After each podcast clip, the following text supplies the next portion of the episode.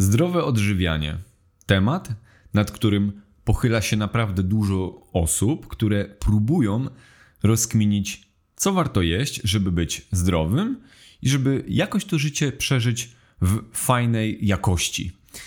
Nie wiem, czy jesteśmy w stanie w 100% powiedzieć, co konkretnie jeść, żeby być zawsze zdrowym, uśmiechniętym, radosnym, pełnym wigoru, ale z drugiej strony są ludzie, którzy poświęcili temu wiele, aby poszukiwać takich stylów życia. Jedną z osób, które poświęciły bardzo dużą część swojego życia i włożyły w to bardzo dużo energii na wyszukiwanie takich, powiedzmy, produktów oraz stylów życia prozdrowotnych, jest Janusz Arrasz, mój dzisiejszy gość podcastu, którego odwiedziłem w Sopocie. Janusz w Trójmieście jest niesamowitą postacią, ponieważ jest edukatorem zdrowego stylu życia, pracuje z seniorami, pracuje też z ludźmi dorosłymi, jeśli chodzi o aktywność fizyczną. Mm, pracuje też y, nawet warsztatowo z dziećmi, pokazując im, jak można zrobić pyszne rzeczy z różnych materiałów, że tak powiem, od kasz przez pestki aż po warzywa, których tak naprawdę mamy bardzo wiele w zasobach naszego kraju i które możemy wykorzystywać w bardzo, bardzo ciekawy sposób. Janusz jest osobą niesamowicie charyzmatyczną i podzielił się dzisiaj z nami niesamowitymi informacjami na temat prostych patentów, które możemy zastosować w swoim życiu, jeśli chodzi o usprawnienie naszej diety.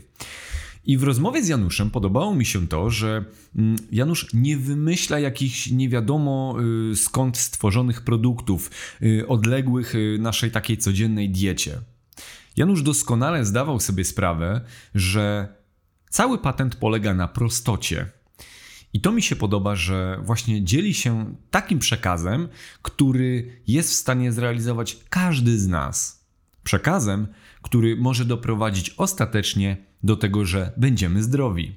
A jak wiecie, zdrowie to trzeci filar całego podcastu Teach One, którym dzielę się właśnie z Wami.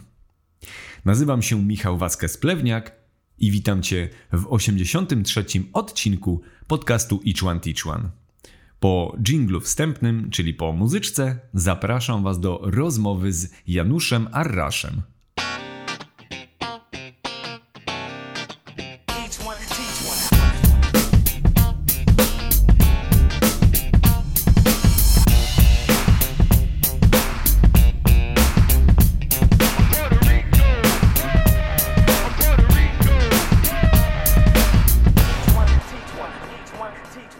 Witaj Janusz. Witaj, cześć. Na początek bardzo trudne pytanie, na które większość moich rozmówców nie zna odpowiedzi, a mianowicie, co u ciebie słychać?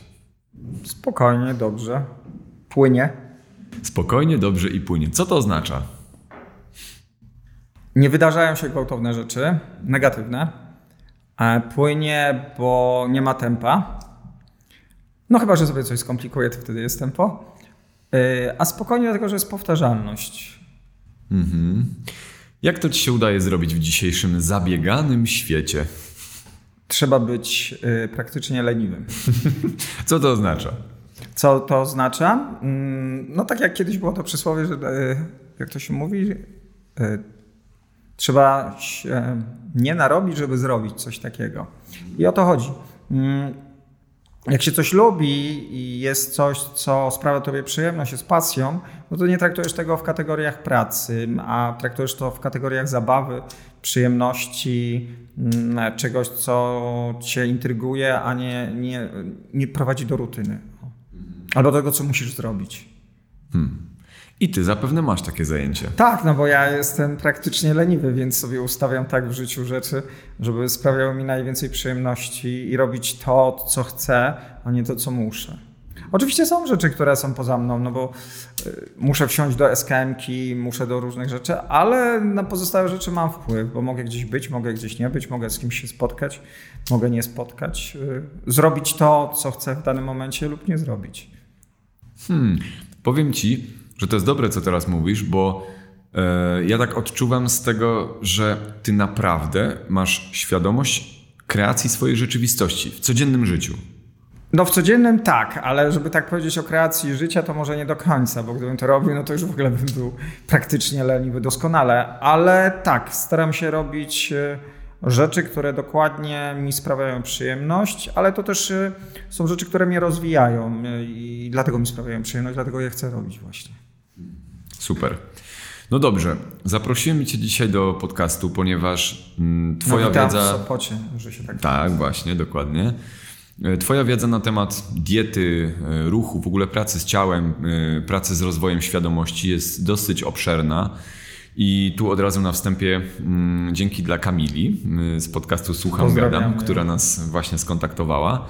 No i się minęliśmy, przepraszam, że się wtrącę, na konwencie, tak jak mówiłeś. No właśnie, my się już dwa razy minęliśmy się i na różnych festiwalach i jakoś się nie mogliśmy spotkać, więc dzisiaj u Ciebie w Sopocie tutaj. Mm, zaczniemy od trochę od Twojej przeszłości. Chciałbym, abyś y, opowiedział trochę naszym słuchaczom, co się wydarzyło takiego w Twoim życiu i w Twojej przeszłości, że doprowadziło Cię do punktu, w którym jesteś teraz.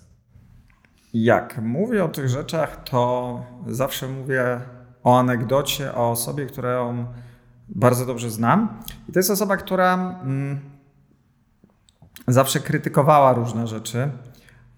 Y, teoretyzowała. Ta osoba bardzo często y, miała swoje zdanie, nie poparte niczym, ale po prostu miała swoje zdanie. Y, no i w swoim życiu dokładnie robi to, co krytykuje.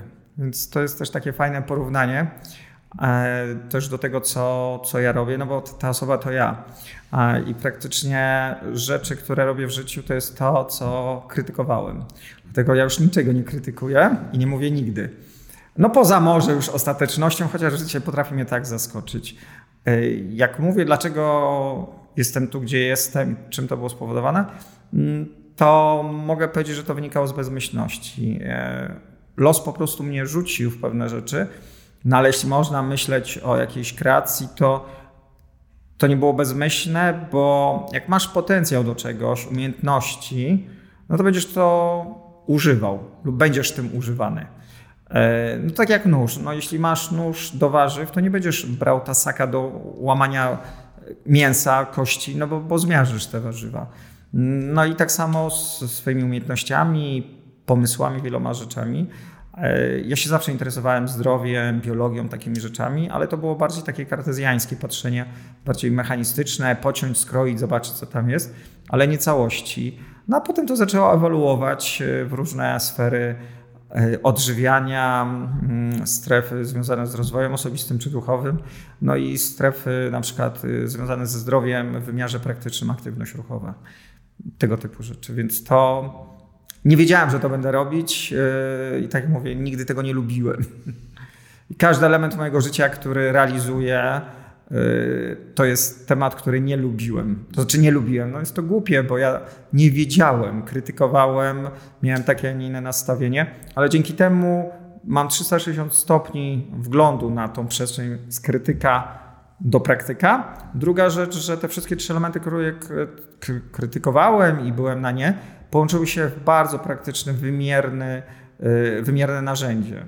Bo ja zawsze mówię, zdrowie to jest ciało, to jest talerz, i to jest umysł. I ja na tych trzech przestrzeniach sam funkcjonuję jako ja, ale też te elementy mojej, no nie pracy, no bawienia się tym, czym się bawię, też realizuję.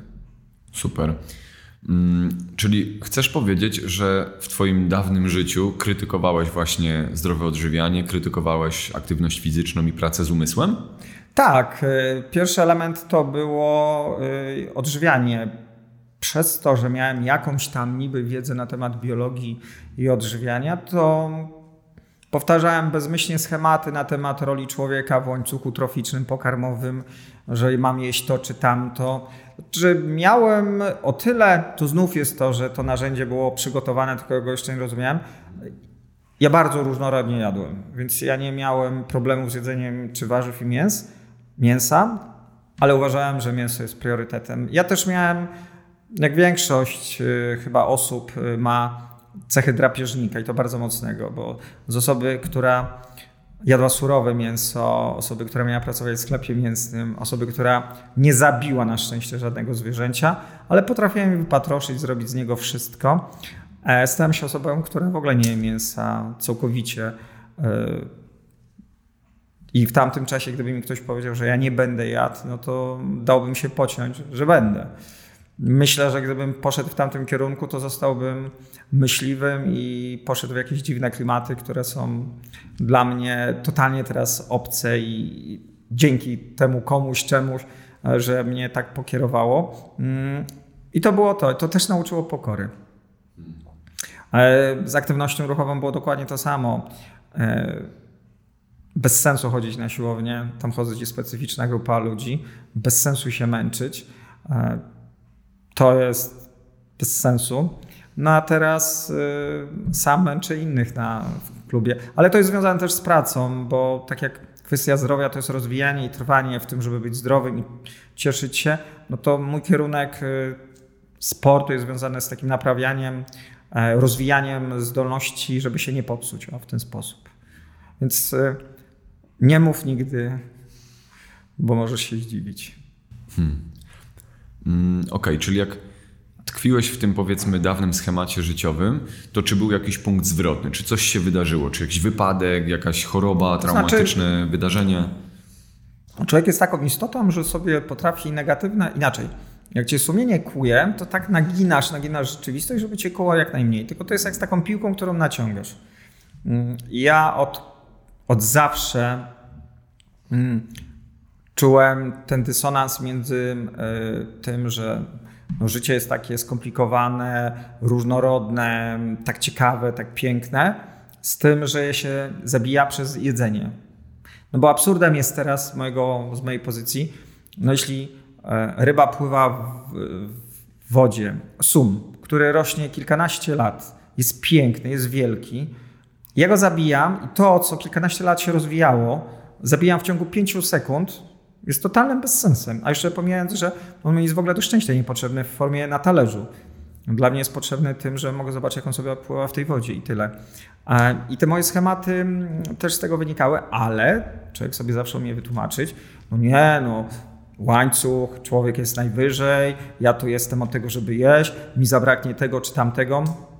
Te bzdury, z którymi do tej pory rozmawiam teraz sam e, na wykładach czy na jakichś warsztatach, I też miałem takie do tego podejście. Mm.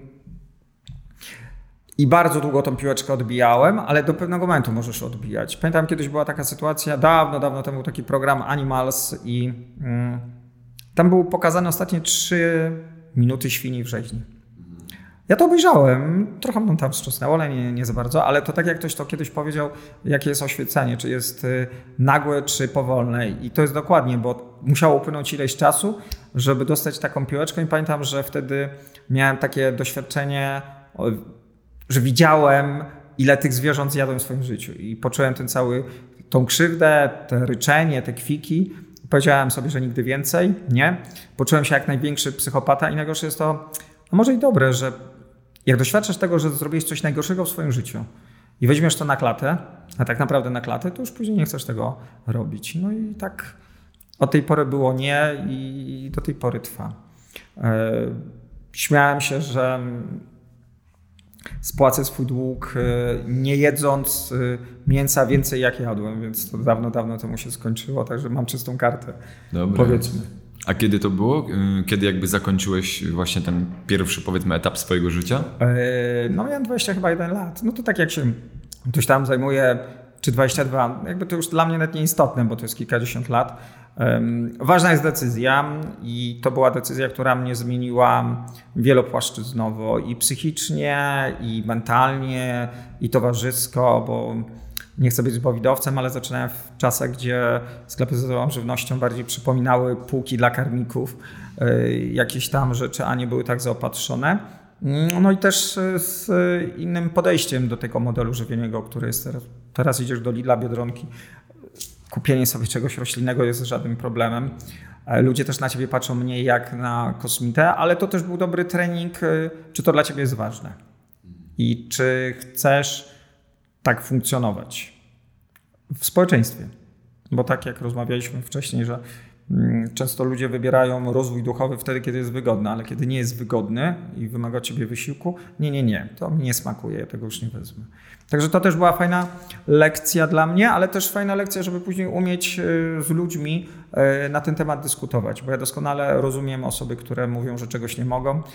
Patrzę z boku, uśmiecham się, przypominam sobie. Ja mam to też często mówię na wykładach, jak mówię, że nieraz widzę siebie, tego mądrzejszego, który tak stoi i mówi: No i co pamiętasz, jak mówiłeś tam wtedy? No i co, misiu, teraz? Dokładnie. Więc y, to też nauczyło pokory, ale też i zrozumienia i przede wszystkim przyjemności, ile doświadczyłem różnych dzięki tej zmianie. No i rzecz najfajniejsza, że dokładnie robię to, na co mam ochotę, a nie to, co robię wbrew sobie. Na przykład. Tak samo było ze sportem, którego nigdy nie lubiłem, e, nie znosiłem i w wieku 40 lat zacząłem uprawiać. No i zaczęło się tak, że teraz ja męczę ludzi, ale odkryłem też e, ogromną pasję, ale też e, narzędzie, które jest do tego, żeby to realizować, bo tematy, którymi się zajmuję, związane z, ze zdrowiem, w ujęciu sportu, to też są dla mnie bardzo inspirujące i one się bardzo przetwarzają, przenikają, bo jak się najesz, to masz energię, jak masz energię, chcesz się ruszać. Jak się chcesz ruszać, się zmęczysz, możesz się naprawić. Jak odpoczniesz, to masz apetyt i mówię o takim perpetuum mobile -hmm. na przykład. Super. Ile masz lat? 50. Kurde, spoko. A to wcześniej wyglądałeś inaczej? E, Wizualnie? Znaczy ja mam trochę tak... E, to znaczy byłem e, Miałem fazę, to też o tym mówię, bo pułapki zdrowego stylu życia często wynikają e, z tego, że mamy wiedzę i nam się coś wydaje, że mamy na coś wiedzę, ale w teorii jest to inaczej jak w praktyce. Mm, może ja nigdy nie byłem otyły czy gruby, ale miałem swój okres, że ważyłem prawie 90 kg na wegańskiej diecie. Hmm. Nie uprawiając sportu, nie, robię, nie robiąc nic, ale mam to szczęście w życiu, że u mnie się włączają jakieś dzwonki, kiedy coś mi nie służy i mam coś zmienić. I najsmutniejsze czy najweselsze jest to, że najczęściej włącza się wtedy, kiedy ja tego nie chcę zrobić i za mnie się decyduję. Tylko, że potem doskonale rozumiem, że to było dla mnie, więc za to też jestem wdzięczny, że mi to służy. Mm. Mam wrażenie, że im mam więcej lat, staję się bardziej sprawny, zdrowszy i yy, to ciało jest coraz bardziej takie mm, wpasowane we mnie. Samo to, że mm, nie muszę doświadczać bólu. Yy, nie muszę doświadczać, nie wiem, mogę go doświadczać wtedy, kiedy o niego nie zadbam, bo jak zaczynam oglądać na Netflixie seriale do pierwszej w nocy, jestem niespany, to moje pretensje. Ale nie odczuwam naprawdę problemów zdrowotnych, yy, tak jak dużo osób odczuwa problemy. Cieszę się, bo dostałem też narzędzia do tego, żeby sobie z tymi problemami rozwiązać. Umieć rozwiązywać.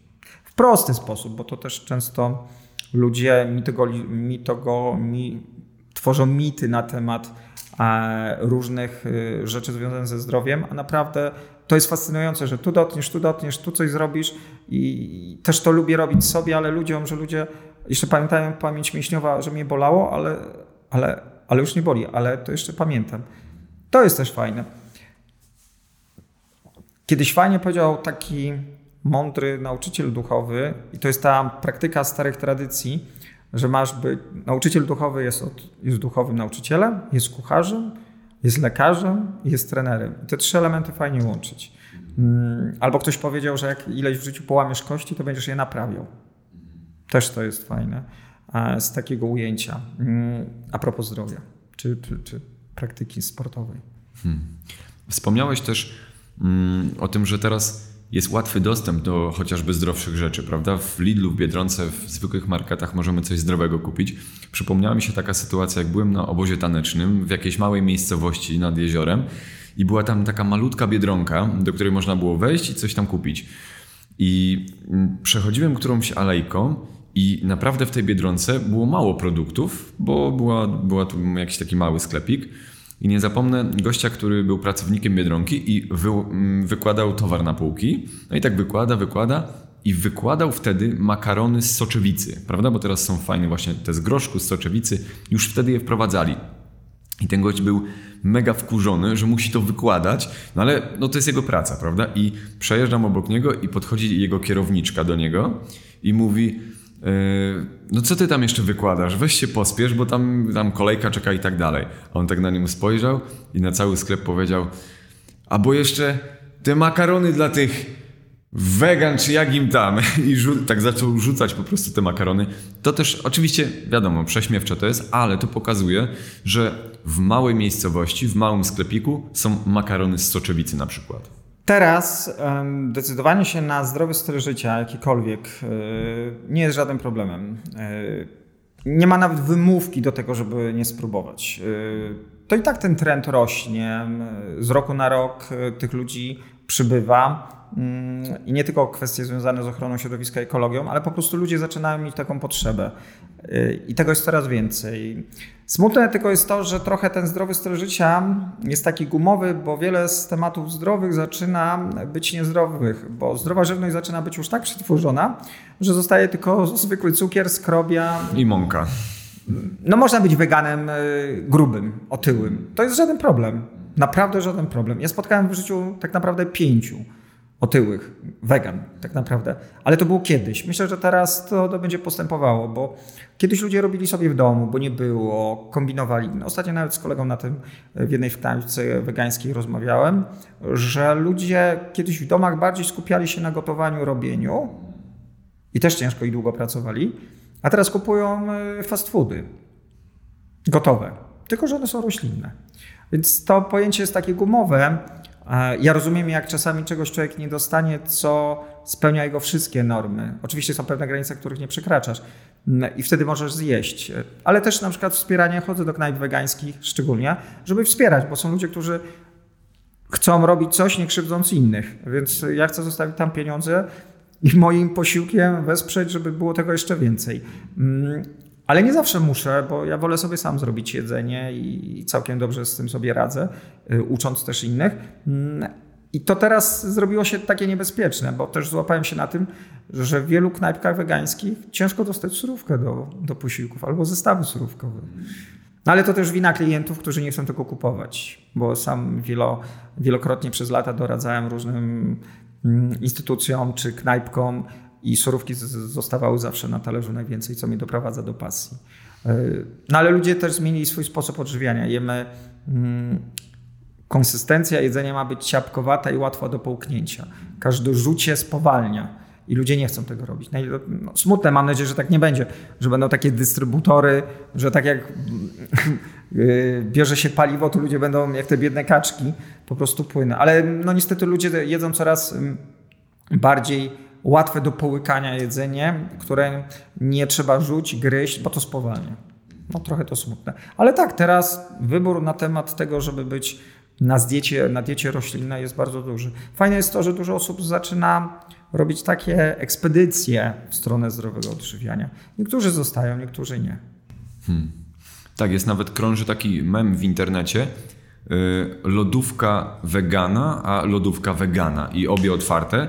W jednej jest cała masa y, warzyw i y, owoców, orzechów, pestek, a w drugiej same opakowania przetworzonych rzeczy typu wegańskie burgery, wegańska pizza, wegańska zapiekanka, wszystko już gotowe, prawda? Znaczy, bo ludzie czasami krytykują, a dlaczego, bo nie ma wegańskich kotletów, nie ma wegańskich, nie wiem, kiełbas, takich rzeczy.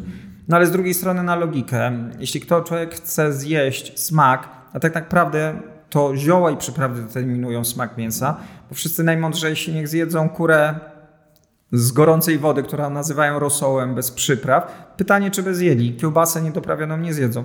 No niestety, w mrocznych czasach sam robiłem kaszanki pasztetowe i wiem, jak to się robi. Mm, to przyprawy determinują ten smak. Dlatego lepiej, żeby ta osoba zjadła coś takiego, które jest roślinne i bez zabijania i bez skrzywdzenia, mm, gdzie może mieć dokładnie ten sam smak. Y, I to jest żaden problem. Oczywiście to powinno być sporadyczne, ale to znów wynika z tego, jak się odżywiamy, bo jak im bardziej jemy naturalnie i tożsame z ciałem, to też nie będziemy chcieli sięgać. Ja mogę zjeść pizzę wegańską, ale szczerze mówiąc, nie jest to dla mnie czymś. Zjem burgera, bardziej zjem dlatego, że pójdę do jakiejś knajpki i zjem. Sam tego od lat już nie robię. Co do lodówek. Tak naprawdę dieta roślinna może być bezlodówkowa. Ja w wielu miejscach, gdzie mieszkałem, w ogóle nie miałem lodówki, bo stwierdziłem po co. Nie potrzebuję. Po pierwsze na ilość jedzenia, które potrzebuję. Druga rzecz, że to, co ja zjadam, w ogóle nie potrzebuję lodów. Jest świeże po prostu. Świeże, ale marchew poleży parę dni, prawda? E, burak, ziemniak, e, wiele z tych produktów w ogóle nie potrzebuje lodówki. Złapałem się na tym, że nie włączałem lodówki, no bo na trzech pomidorów nie będę włączać lodówki, no i wiele takich rzeczy. Do kiszonek też nie potrzebujesz lodówki. Mm, więc my możemy naprawdę zejść bardzo mało i bardzo różnorodnie.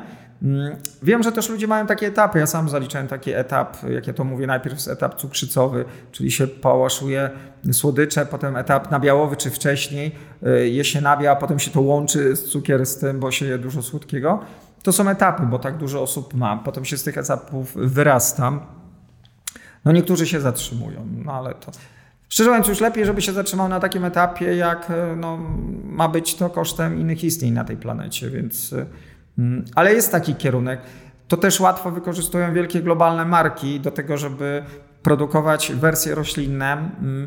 To też jest fajne kuriozum, bo do tej pory się krytykuje te wielkie firmy, koncerny żywieniowe, które y, były wrogie, a teraz wystarczy, że zmieniły szatki na roślinne, to ludzie już tam jeżdżą i kupują. Dla mnie to jest taka trochę schizofrenia, bo mm, no, jeśli są odpowiedzialni za zabijanie, za klimat, za warunki pracy, no to nie powinniśmy wspierać nawet, ale to moje zdanie, kupując tam. Wspierajmy firmy etyczne, które produkują e, nie kosztem kogoś i swoich pracowników. Mniej więcej, no bo nie jesteśmy w stanie wszystkich produktów sprawdzić, ale jeśli wiemy wyraźnie, że te firmy, no to mój portfel e, może decydować za mnie. Czy ja moim portfelem. No, wiesz też, krytycy mogliby ci powiedzieć, no ale ty przecież kupujesz w Lidlu, a to jest wielka globalna, wiesz, korporacja, prawda? Tak, ale trzeba też docenić, że Lidl y, i Biedronki bardzo mogło, pomogły w rozwoju diety roślinnej, bo jako sklepy masowe wprowadziły tego bardzo dużo. Tych produktów jest coraz więcej na rynku i też w Polsce patrzenie na bycie na diecie roślinnej już nie jest takie kosmiczno-zombie, no bo kiedyś tak było. Teraz y, no może jakaś fanaberia, ale taka dość powszechna. Ja też widzę, dużo moich kolegów sportowców zaczęło e, jeść produkty roślinne, patrząc tylko za tym magicznym hasłem, gdzie jest dużo białka, bo jeśli produkt jest. I teraz weszło parę takich produktów, ludzie na pewno znają kiełbaski i burgery wegańskie, które są. I tam jest specjalnie napisane, że tyle i tyle procent białka. Skądinąd są bardzo dobry i bardzo dobry skład. I tak, dużo już zaczyna eksplorować tą przestrzeń sportowców. To jest też zabawne, bo. Mm, do tej pory uczono w sporcie, szczególnie trenerów personalnych, że tylko prymat białka mięsnego e, jest najlepszy, najlepszy, tylko że przychodzą i mają swoich klientów i przychodzi taki dziwoląg, wegan czy weganka i okazuje się, że ona żyje 20, 30, 40 lat i nie umiera, a jeszcze na treningu normalnie ćwiczy i nagle to, co mu wkładam do głowy, hmm, coś mu za bardzo nie pasuje. Więc jeśli chce mieć klientów, to też muszą trochę opcje zmienić. I coraz więcej trenerów też nie zakazuje, tylko mówi dobrze, jedz sobie inne produkty roślinne. Także ten rynek się zmienia i go będzie coraz więcej. Fajnie tylko, żebyśmy nie zapomnieli, nie wylali tego dziecka z kąpielą, bo e, no, jedzenie zdrowe to powinno być zdrowe, ale jeśli ja kupuję batona mm, i żyję na batonach i na pizzy i popijam wegańskim rozpuszczalnikiem jakimś, no to, to nie mówimy o zdrowym jedzeniu. Ale też każdy ma taki etap. Ja życzę, żeby ten etap się dość szybko skończył i wtedy sobie ludzie brali to, co naprawdę im smakuje, bo mają potrzebę jeść czegoś, co jest świeże i naturalne. Czyli na przykład sezonowo. Sezonowe to jedno, tylko z tą sezonowością też. Ja trochę obalam mity, no bo zobacz, my się wychowaliśmy już w, takim, w takiej przestrzeni, co jest sezonowe. Cytryna jest od urodzenia, zawsze w naszym życiu. Banan, ananas. Mniej lub więcej, ale jest. Rynek stał się tak globalny, że trudno powiedzieć, co jest sezonowe. Oczywiście preferujemy jabłka, gruszki, tego typu rzeczy, ale to nie jest tak jak kiedyś, że trzeba było jechać 5000 km, żeby kupić coś. Te produkty, my się z nimi wychowujemy non-stop już teraz. Więc to ważne, żeby te produkty były dobrej jakości, oczywiście jak najbardziej naturalne. E, to tyle jest fajne. No oczywiście mm, może to zabrzmi trochę ksenofobicznie, ale nasze jabłko i gruszka naprawdę nie ma się czego bać w porównaniu do miliona różnych owoców, bo jest naprawdę smaczne, jest ciekawym owocem, e, czy, czy wiele takich rzeczy. No ale z tą sezonowością i tą, gdzie to nie rośnie, albo gdzie rośnie powinniśmy jeść, to trudno już teraz, bo staliśmy się naprawdę bardzo globalną wioską. Super. Mm, no dobra, to przejdźmy do tematu żywienia już tak głębiej. Zastanawiam się nad jedną rzeczą. Jakbyśmy mogli wytłumaczyć wszystkim ludziom, którzy będą tego słuchali i oglądali, e, od czego, ale tak naprawdę od fundamentalnego poziomu, od czego zacząć, jeśli chodzi o zdrowe odżywianie, dla osoby, która nie miała z tym nigdy styczności i chciałaby coś zmienić w swoim życiu? No najpierw musisz sobie zadać pytanie, po co ci to? Po co? A jak sobie odpowie, z jakiego powodu to chcę, każdy powód jest dobry, po prostu. E, to warto wprowadzić małe elementy na początku. E, potem te elementy zmieniać proporcje. Ja uczę tego o 20 i 80, czyli 80% zdrowych i 20 tych kiepskich. No bo bardzo mało osób jest na tej planecie takich, którzy sobie powiedzą nie i nie będą pewne rzeczy jeść. No, taka jest prawda. Yy, chyba, że będą jakieś wstrząsy osobiste, no to może, ale to, to są promile takich osób. I jak ja podświadomości dam, że zjem, ale się nie ograniczam i nie zabieram sobie, to nie będzie później reakcji odwrotnej. Czyli te 80 i 20. Potem te 80 zaczyna wypierać te 20, potem jest 90, 85 i 90. I tak to jest najlepsza droga. Mm. Zjedzenie surówki dwa, trzy razy w tygodniu jako akt heroizmu, e, bez soli, z ziołami, z olejem, to już zaczyna zmieniać e, układ pokarmowy i psychikę. Więc to, to są takie drogi. też nie można sobie narzucić strasznego rygoru, bo tak widzę, ludzie bardzo podchodzą ambitnie. Mm. No można przeczytać jakieś książki na temat żywienia, tylko później ludzie wchodzą w takie kanały. Ja całe życie doradzam w branży eko, bio, E, żywności wegańskiej, już teraz nawet nie wegetariańskiej. I ludzie przynoszą jakieś opracowania, jakieś e, teorie, jakieś e, pomysły, jakichś autorów. No i w końcu głupieją, co mają jeść. Zawsze powtarzam, że krowa, koń, owca jest chyba najlepszym nauczycielem.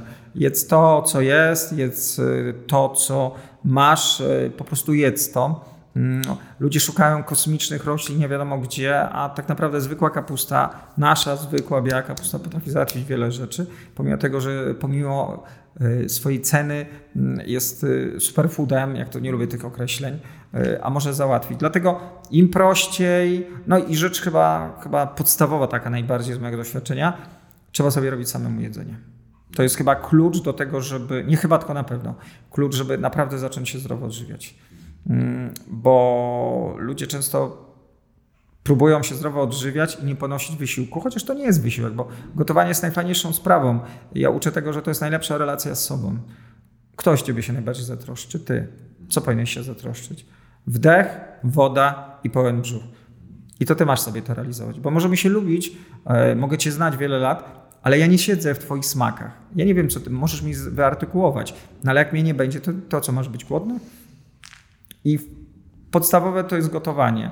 Teraz multi, cookery, blendery, termomixy nacisnąć. Dokładnie. Więc y, robienie sobie samemu posiłków, wprowadzanie paru elementów, 20-80 to jest najlepszy sposób.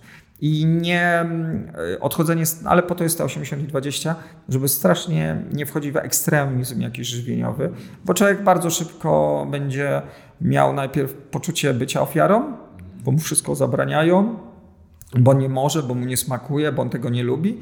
No i przyjdzie czas odreagowania. No i wtedy jest w drugą stronę. Także im prościej, ale jedzenie, robienie sobie samemu jest to naprawdę ważnym elementem.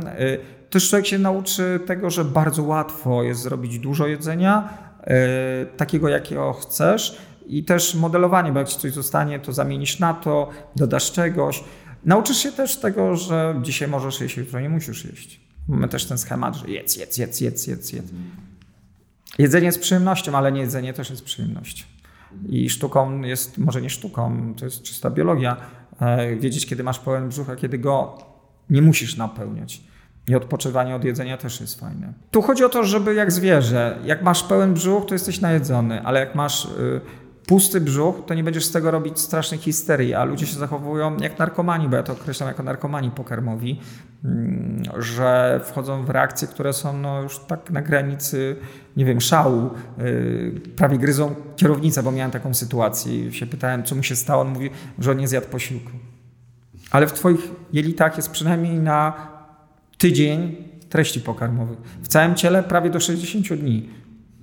Nie zjesz dwie godziny, umrzesz? No ale to są te spadki tłuszczu, cukru i węglowo i y, cukru i białek, że ty już chodzisz. Plus. Jemy za dużo. Tak, tak, no jedzenie stało się narkotykiem i to takim najbardziej emocjonalnym.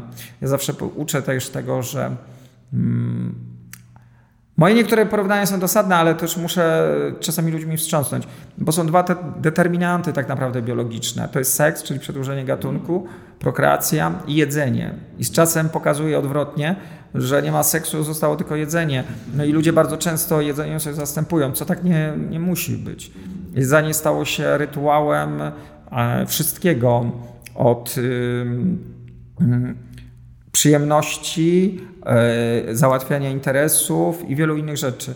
My nie umiemy nie zjeść czegoś. Ja dlatego ktoś, kto zmienia nawyki żywieniowe, też uczy się tego, bo no jesteś na imprezie, gdzie jest na przykład same mięso, a dla ciebie nie ma nic. I ludzie dlatego się źle czują, nie, że nie ma dla mnie nic, bo ty przeżyjesz te parę godzin, ale ta, ta grupa społeczna, ta presja, że to jest taki odruch. Talerz, łyżka, widelec, pak, ale pytanie, czy ty musisz. I to też fajnie przerobić sobie takie lekcje z sobą, że masz prawo powiedzieć nie, że jesteś asertywny, że nie chcesz teraz jeść lub to nie jest dla ciebie jedzenie, które uważasz za jedzenie. Można to tak zrobić, żeby kogoś nie obrazić, y, no ale warto to zrobić. Przypomniała mi się y, anegdota. Byłem na takim typowo góralskim weselu. Właśnie byliśmy z żoną i sobie siedzimy i oczywiście wcześniej zamówiliśmy sobie wegańskie y, menu, bo mieliśmy taką możliwość. No i wyobraź sobie, że na 180 osób dwie osoby, czyli my, reszta normalnie, prawda? Y, I co się stało po pierwszym posiłku, który już wjechał? My dostaliśmy krem z groszku na wywarze z warzyw. Wszyscy dostali tam rosół i coś tam. Drugi posiłek dostaliśmy burgery z buraka i z kaszy jaglanej. I ludzie już a co wy tam macie? A my mówimy, a tutaj takie, a daj spróbować. Jak tylko spróbowali, to przy kolejnej jakby przechadce kelnerki od razu zaczepili przepraszam, a czy ja mógłbym również coś takiego? Czyli da się i nie trzeba też, wiesz, nikogo indoktrynować, prawda? Ja po prostu sobie siedziałem, jedliśmy wegańskie jakby kotlety, ludzie mieli po prostu kurczaka, ale sami się zainteresowali tym, prawda? To jest też tak, że mm, przyrządek do serca. Jak człowiekowi zrobisz to jedzenie albo pokażesz, że ono może być smaczne, y, to ci ludzie się zmienią, bo to są te schematy, które ja też takie schematy miałem.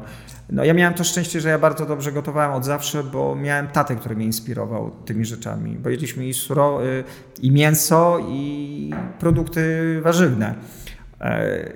I jak człowiekowi się pokaże ten smak, to ludzie będą chętnie jeść. To i tak sukces, że miałeś coś na na takim weselu góralskim, że ktoś coś takiego zrobił. No bo ja pamiętam sytuację dawno, dawno temu, to Jezu, to początki mojej kariery na diecie roślinnej. Piąta rano czy czwarta rano byłem pierwszy raz w ogóle na mm, grillu. Ja nigdy nie byłem na grillu. I nie chodzę. Ale to nie był taki grill, jak ludziom się wydaje i słuchaczom teraz, tylko to było takie koło do łamiania na łańcuchach. Tam chyba całe po głowie populacji ptaków wszystkiego wytłukli. E, skądinąd byli mili ludzie, no ale o piątej nad ranem czy o czwartej, jak wszyscy są pijani, Janusz, to jesteś fajny chłopak, ale czemu ty nie jesz mięsa? Więc to też uczy asertywności. E, I człowiek się też może nauczyć. Teraz jest łatwiej, bo w każdej chwili możesz coś dostać. Mm, tylko też, żeby nie pójść w kanał, bo dużo osób niestety, to też zrobiła się moda. Mm, ale to jest moda taka ostentacyjna, bo wtedy, kiedy mm, to jestem, ale jak cię przypili, to zamawiasz sobie z Pizza Hut albo z innego y, fast fooda jedzenie i zaczynasz jeść. Mm. Ale chyba z tej masy i tak bardzo dużo osób decyduje się. Cieszę się, bo ja mam na przykład wykłady z seniorami. W tym roku 6 czy 7 osób mówi, że nie je mięsa, gdzie to od lat nie słyszałem. To chyba pierwszy rok, że tyle osób zaczyna nowych przychodzić. Więc jest taka potrzeba. Kwestia też zdrowia. Mm.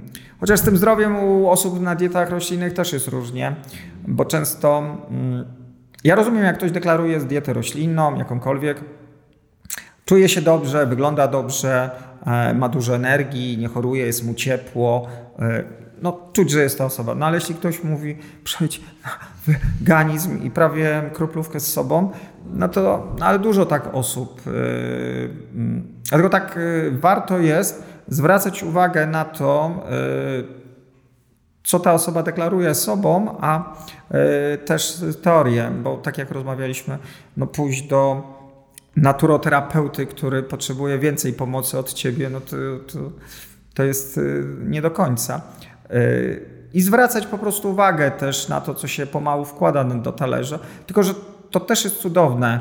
Mm, nie przeszkadzasz ciału, dostajesz bardzo duże bonusy. Przeszkadzasz? Co to oznacza? Co to oznacza nie przeszkadzać? To powiem zaraz w drugą też stronę. Przeszkadzasz, przychodzi komornik. Nie przeszkadzać, dać sen, dać jeść, dać wodę, e, dać wtedy, kiedy potrzebujesz tego jedzenia, a kiedy nie. I ciało bardzo dużo ci od razu odda. Energią, dobrym samopoczuciem, brakiem chorób, sprawnością, elastycznością. Kolejna rzecz, zauważysz, że dużo rzeczy nie musisz jeść. Dużo rzeczy ci w ogóle nie jest potrzebne do życia. Ja mam takie swoje określenie, jak ja mówię, dosadne, poranny żużel, czyli kawa. Dużo osób się obraża, ale to jest spalone coś, które się nie powinno wkładać do ust. No, no to jest jedyna rzecz, którą palimy tak. No innej żywności nie jemy. Trudno to nawet nazwać żywnością.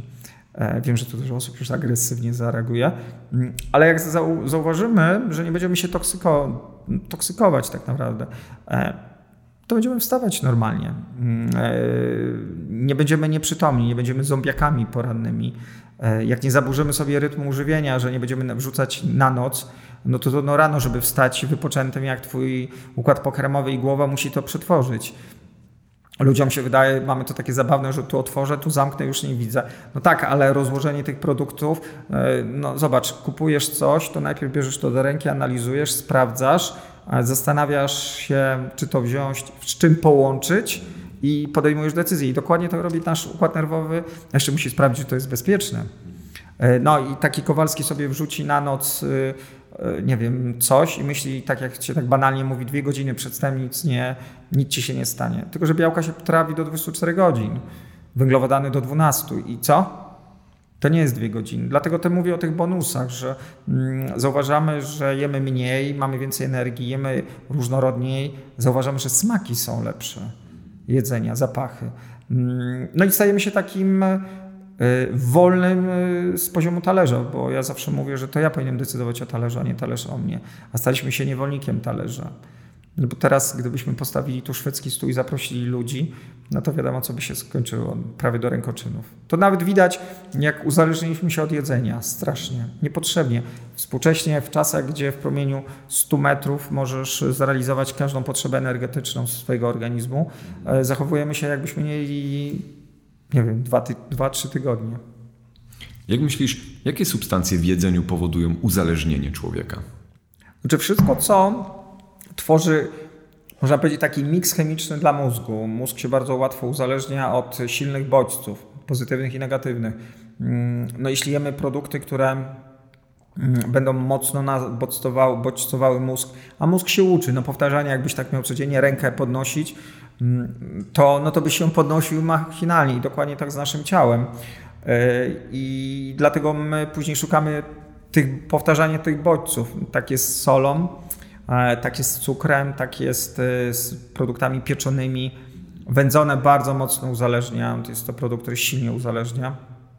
Mm, I my później tak jak wiele rzeczy na talerzu. Zobacz, jak dużo osób źle się czuje, kiedy na jego talerzu e, nie są te same produkty co zawsze.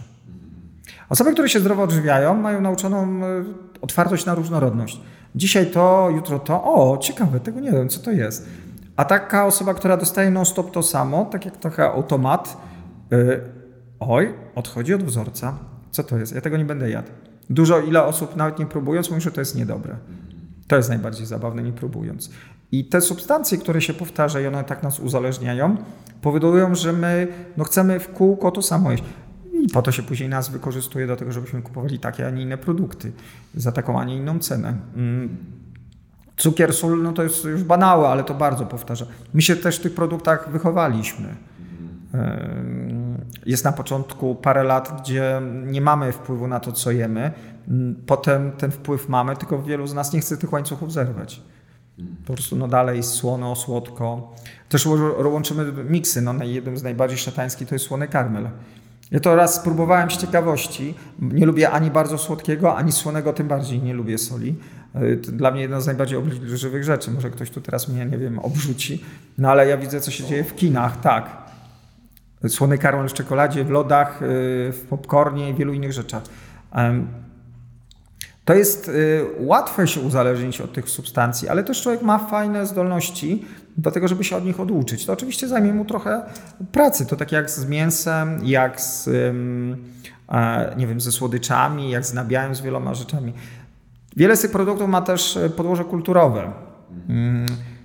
W jednej kulturze jadło się to, w drugiej to. Ma, ma też podłoże związane z e, relacjami społecznymi, postrzeganiem płci.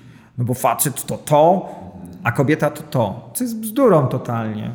Bo gladiatorzy, tak naprawdę, niestety biedni ci ludzie, którzy byli zabijani dla rozrywki, zabijania, e, tak naprawdę nie jedli w ogóle mięsa, bo Rzymianie dość skrupulatnie zapisywali, co wydawali i się okazało, że no, jak e, współcześni kapitaliści, maksymalizowanie zysków, minimalizowanie, minimalizowanie strat, oni ich nie, karmia, ich nie karmiono mięsem, bo też było wtedy jeszcze droższe relatywnie jak teraz. Karmiono ich y, jęczmieniem, winem, miodem, y, popiołem drzewnym jako energetyk plus tam dodatki. Jak przeżył, to dostawał mięso. Ale chłopi pańszczyźniani, kiedy oni jedli mięso? Raz w roku albo wcale z głodu. I żyli. I pracowali bardzo ciężko, a teraz panowie pójdą na 45 minut i odżywka białkowa, bo zaraz y, upadną, a tam od 5 rano pracować w gliniasto-kamiennej glebie, to to jest dopiero crossfit. Mm, I my po prostu uzależniamy się od tych substancji, ale też bardzo łatwo się odzwyczaić. Tak jak ludzie mówią, ja bez tego nie mogłabym żyć. Mm, perspektywa tylko czasu. Ja też tak mówiłem. Mm, gdyby mi ktoś powiedział te kilkadziesiąt lat temu, że nie będę jadł mięsa, to mógłbym go prawie, nie wiem, tam okazuje się, że życie nas potrafi pozytywnie zaskoczyć i to jest fajne, że stajesz się wolny od tych uzależnień. Że nie musisz e, z jednej strony jeść tych substancji, które są tak naprawdę, będziesz się potem źle czuł. Ja już nie mówię o szkodliwości metabolicznej, ale też masz świadomość bycia wolnym. Naprawdę. Nie chcę, żeby to zabrzmiało zarozumiale, ale jeśli ja widzę ludzi, którzy rozdygotani lecą po ten żużel poranny i muszą to wypić, a ja tego nie muszę i nie potrzebuję, bo w życiu wypiłem tyle i nigdy więcej. Jest to obrzydliwe. Y, i wiele takich produktów, to człowiek też, na, tak jak jadłem na przykład produkty mięso, czy, czy wiele innych produktów, których nie wyobrażałem sobie żyć, możesz bez tego żyć, to dopiero zauważysz, y, ile w tobie jest y, z jednej strony plastyczności, ale takiej e, wolnej woli, takiej naprawdę wolnej woli. I nie dlatego, że nie możesz, tylko dlatego, że nie chcesz. To jest tak, jak chyba w buddyzmie się mówi, brak Y, lgnięcia do czegoś. I to jest to taki brak lgnięcia, bo ja nie wiem dlatego teraz współcześnie, że nie to, że nie mogę, tylko po prostu nie chcę tego wziąć do ust, bo to i śmierdzi, i wygląda, już pomijając kwestie etyczne. Y, ale to jest tylko kwestia czasu, kwestia czasu, żeby zmienić. Myślę, że odzwyczajenie się od soli, to moje doświadczenie, bo prowadzę prawie codziennie gdzieś tematy z jedzeniem, to jest dwa tygodnie. Hmm. Żeby w ogóle nie solić? Mhm. Gdybyśmy codziennie tak robili. Ale ja mam seniorów, z którymi spotykam się raz w tygodniu i te osoby zaczynają w październiku i myślę, że po październiku raz w tygodniu tylko mm, im już jedzenie w domu zaczyna trochę inaczej smakować. Jest zasłone. Także łatwo się od tych substancji oduczyć. E, to są też korzyści, bo samo to, że mm, pójdziesz a propos siłowni, do sauny. Ja już nie mówię o wysiłku i możesz w tej saunie wytrzymać, że twoja skóra będzie lepiej wyglądała. To samo to, że nie solisz, to już zobaczysz, że właśnie y, niesolenie spowoduje, że lepiej wytrzymasz tą saunę. Dużo osób mówi, że ma problemy, y, nie wytrzymuje, bo są odwodnieni, są, mają zaburzoną gospodarkę mineralną. I to są takie bonusy, które dostajesz. To, że możesz sobie zbadać poziom nawodnienia ciała i okazuje się, że masz nawodnienie dwudziestolatka czy piętnastolatka, gdzie większość osób ma nawodnienie, powinniśmy mieć około 70, nawodnienie 40%. A tylko, tylko zmienić parę substancji.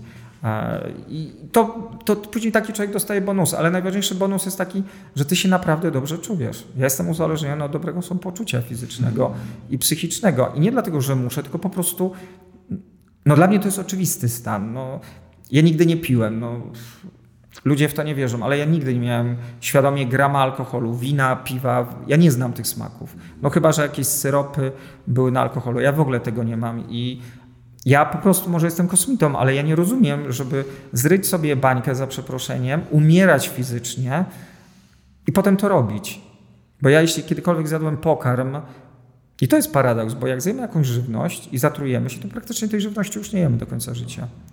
Ale tu, powtarzając tą substancję, alkohol, my się dalej toksykujemy. Ja tego totalnie nie rozumiem. No, po co tak cierpieć? Po co tak umierać i to tak strasznie, bo to jednak widać, że ludzie bardzo cierpią, i żeby do tego wracać.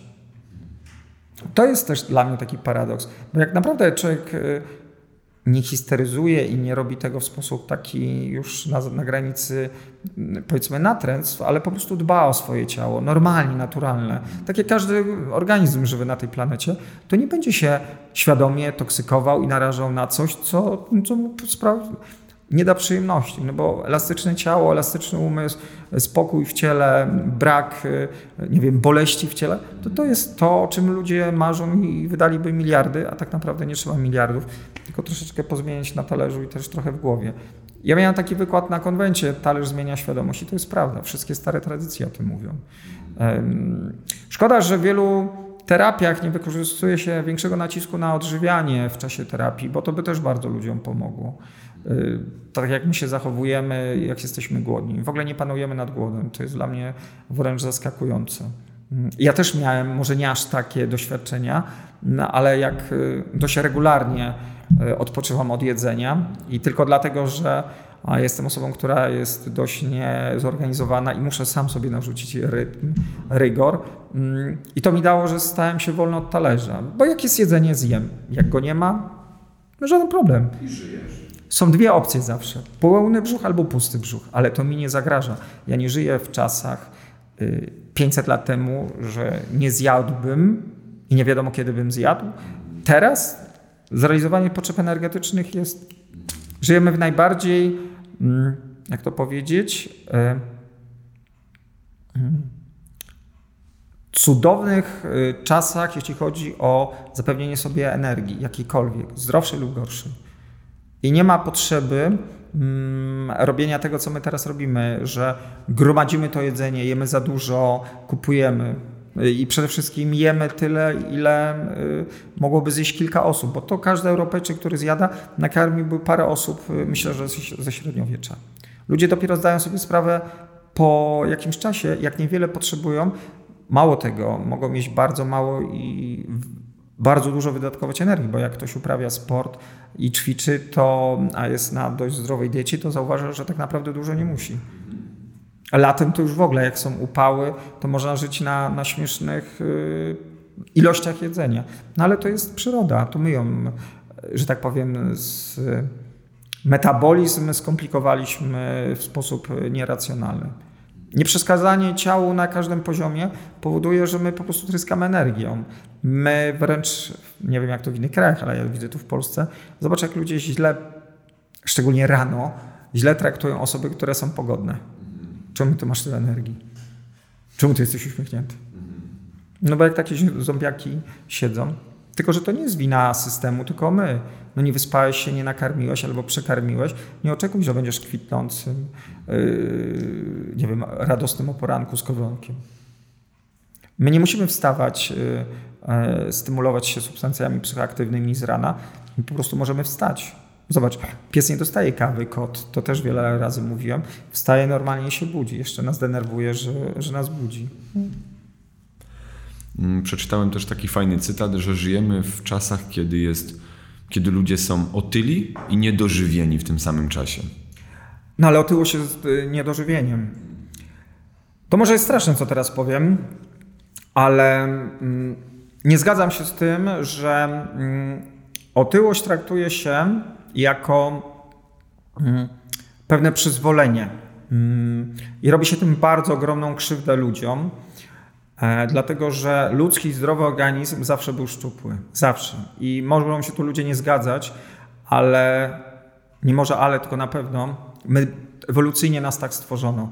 I e, to jest kwestia tylko czasu, co się będzie działo z nadpodażą energii w ciele, e, jeśli mamy jej za dużo. Mm, nie mówi się ludziom, że okej, okay, dwa, trzy razy XL jest piękne, tylko patrzmy na biologię, bo zawsze patrzę na piękno z poziomu życia, biologii. Sprawności, zdrowotności, odporności na choroby, szybkość regeneracji, wytrzymałość, wiele innych rzeczy. Mm, teoretycznie taka osoba powinna mieć najwięcej energii i najlepszą odporność na temperaturę. No bo ma ogromny zasób. Tylko to jest tak, jak masz dostęp do mm, baterii, a nie masz kabla. I tak jest z otyłością. I u nas y, w Europie szczególnie zaczyna się rozgrzeszać y, otyłość. To ma powiązania ekonomiczne przede wszystkim, ale mm, robi się ogromną krzywdę tym ludziom, bo nieraz jak słyszę wystąpienia osób, które są otyłe i mówią, że powinniście nas tak czy inaczej. Ja nie mówię o nienawiści i pogardzie, ale też powinno się pracować nad tym, żeby te osoby naprawdę mogły mm, zmienić swój metabolizm do tego, żeby być zdrowym. Otyłość nie jest oznaką zdrowia i nigdy nie będzie. I ty możemy się zgadzać, nie zgadzać, ale to jest po prostu biologia. Bo Fajny był przykład, jest taki film w Stanach Zjednoczonych chyba o naj, najgrubszym mieście świata, Houston. Tam była kobieta, chyba ważyła 150 osób i mówi, że jest szczęśliwa. Okej, okay, tylko jeśli masz trzy osoby do pomocy i śpisz w pozycji siedzącej e, z maską tlenową, bo masz bezdech senny, to pytanie, czy jesteś szczęśliwy? No. E, szczęśliwy to też niezależny. Szczęśliwy to jest to, że e, w każdej chwili sam realizujesz swoje potrzeby ta pani nie może realizować. I to jest straszne, że pozwala się nam e, traktować otyłość jako coś, co jest nic nie szkodzące. Jest bardzo szkodzącym, bo mm, nadpodaż e, tkanki tłuszczowej to jest cudowne z tłuszczem, że tłuszcz może cię naprawić, zregenerować, e, bo jest jednym z elementów podstawy metabolizmu, a z drugiej strony może cię zabić, ten sam tłuszcz. Tylko zmieniona strukturalnie forma tego tłuszczu.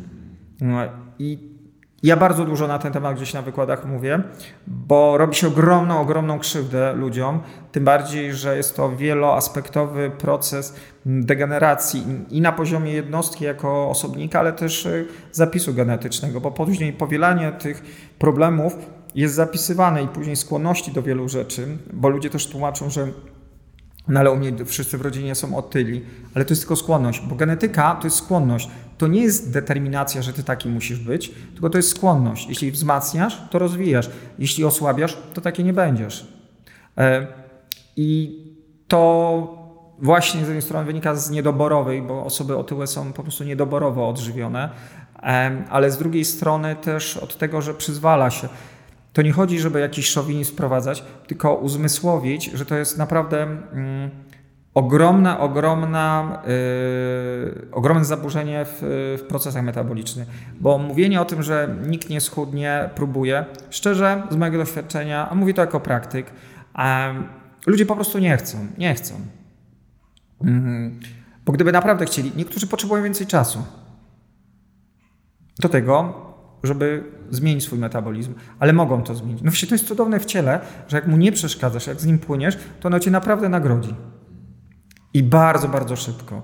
Mm, I to może tu będę mówić za duże słowa, ale dużo osób dorabia sobie do otyłości całe teorie, a trzeba po prostu podejść tak z gruntu mm, do tego, że jest to zaburzenie odżywiania i trzeba z tym pracować. I mm, często jakieś mogą być aspekty psychologiczne, ale naprawdę zmiana na talerzu i pilnowanie tego talerza, oczywiście aktywności ruchowej, da fenomenalne zmiany. W jednym w klubie, w którym jestem, zrobiono w tamtym roku metamorfozy. Trzy miesiące. Te osoby tylko zmieniły sobie talerz i te osoby tylko się ruszały. Trochę więcej. I naprawdę u niektórych ludzi to jest spektakularne. A widziałem osoby, które były bardzo, bardzo otyłe. Mm.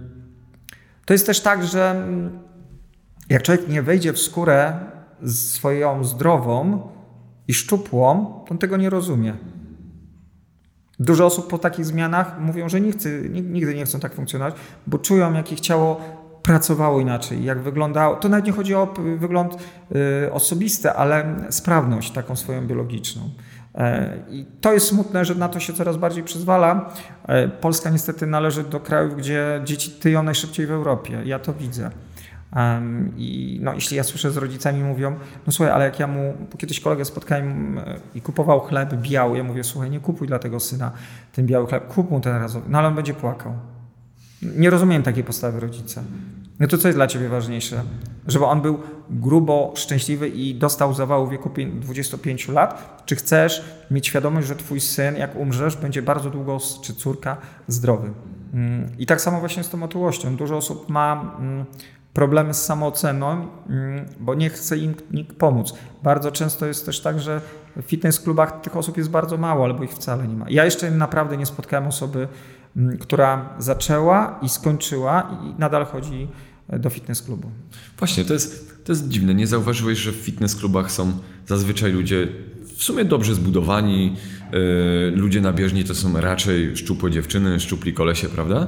Raczej nie ma otyłych ludzi. W ogóle nie ma takich klubów, że tylko dla otyłych ludzi. Może gdzieś znaczy, są. To moim zdaniem tak nawet nie powinno być, bo to znów się tworzy jakieś getta, segregacje. Niech ci ludzie będą, tylko ci ludzie mają, yy, odczuwają zbyt dużą presję. Niestety wielu tempaków, bo tak trzeba nazwać, są okrutni dla tych ludzi. No bo, bo ma pogardę, oni nie przeszli tego albo nie są w tym stanie. Tym ludziom, jak chcą oczywiście, warto pomóc, bo to naprawdę niewiele potrzeba, żeby się zmienić. Mm, ale ci ludzie nie są, no bo są też często tak postrzegani, jak są. E, ale z otyłością powinniśmy inaczej pracować. Otyłość powinna być traktowana e, tak, jak się powinno traktować, że jest to naprawdę mocne zaburzenie metaboliczne, które rozkłada wszystko. Samo to, że mamy za dużo e, inaczej, że się rozrastają komórki tłuszczowe, te adipocyty, to już rozwalamy sobie całe ciągi metaboliczne, które kaskadują na następne rzeczy. I, a może by to było wrócić? To jest fajne, jak ja mam swoich seniorów, którzy przez 30 parę lat mieli problemy zdrowotne. Zmienili talerz i oni są zaskoczeni, że tam zajęło im to rok, a ich, nie wiem, normy, ich problemy 30-letnie się rozwiązały. On nie zrobił niczego magicznego. Nie pojechał na górę Fuji inną i tam nie modlił się o księżyca i słuchał, nie wiem, słowików, tylko zmienił trochę na talerzu. Właśnie często ludziom się wydaje, że trzeba coś zrobić strasznie egzotycznego i coś dziwnego, magicznego, żeby być zdrowym. Nie. Po prostu pozmieniaj trochę też, zacznij się ruszać. I tak samo z tymi osobami otyłymi. Smutne jest też to, że z jednej strony mamy sfiksowanie, e, jak mówisz, szczupli, umieśnieni. No, z tym umieśnieniem to też pytanie, na ile jest autentyczna, na ile jest na skróty. E, motorycznie to też moja praca. Bardzo często te osoby mają zaburzenia i to dość duże, motoryczne, ale też presja społeczna, e, medii społecznościowych na osoby, że masz być taki, szczupły czy taki. I to też tworzy, że ci ludzie raz chudną, raz są szczupli, nie czują się sobą. To jest. I też często e, ludzie nie potrafią e, radzić sobie ze stresem, więc często ten stres zajadają i tworzą. I to takie koła zamknięte, ale też nie. Uważam, że najgorszą rzeczą jest e, mówienie, no Panie Boże, mnie takiego stworzyłeś, to tak mogę żyć. Z poziomu biologicznego robimy sobie straszną krzywdę, a tak wcale nie musi być. I znam osoby, które nigdy nie wrócą do tego, jak się czuły, jak funkcjonowały. I to nie chodzi o ich obraz estetyczny, tylko metaboliczny, jak się czuli rano, jak wieczorem. Gdzieś czytałem, że w Anglii, mm, to jest tak kuriozum dla mnie, osobom otyłym powiększa się łazienki, żeby bardziej dbali o higienę ciała.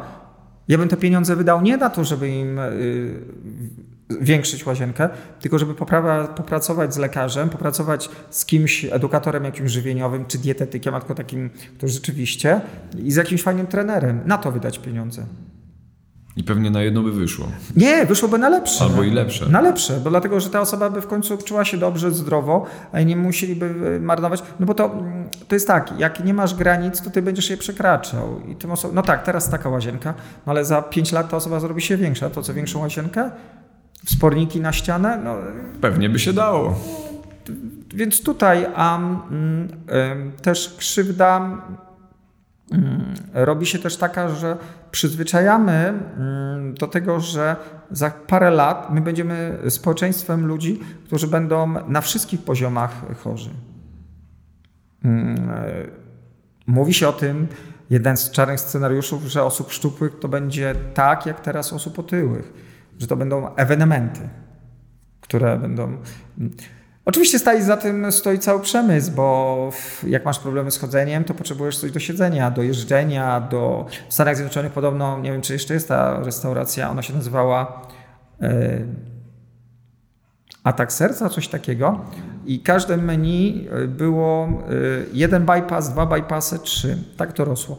Jeśli przekroczyłeś cztery bypassy, to zestaw, to jadłeś za darmo. Tylko, że to znów jest taki trochę kar- kartel narkotykowy, tylko większość z tych właścicieli wiedziało, że nikt nie dojdzie do czwartego bypassu, no bo umrze.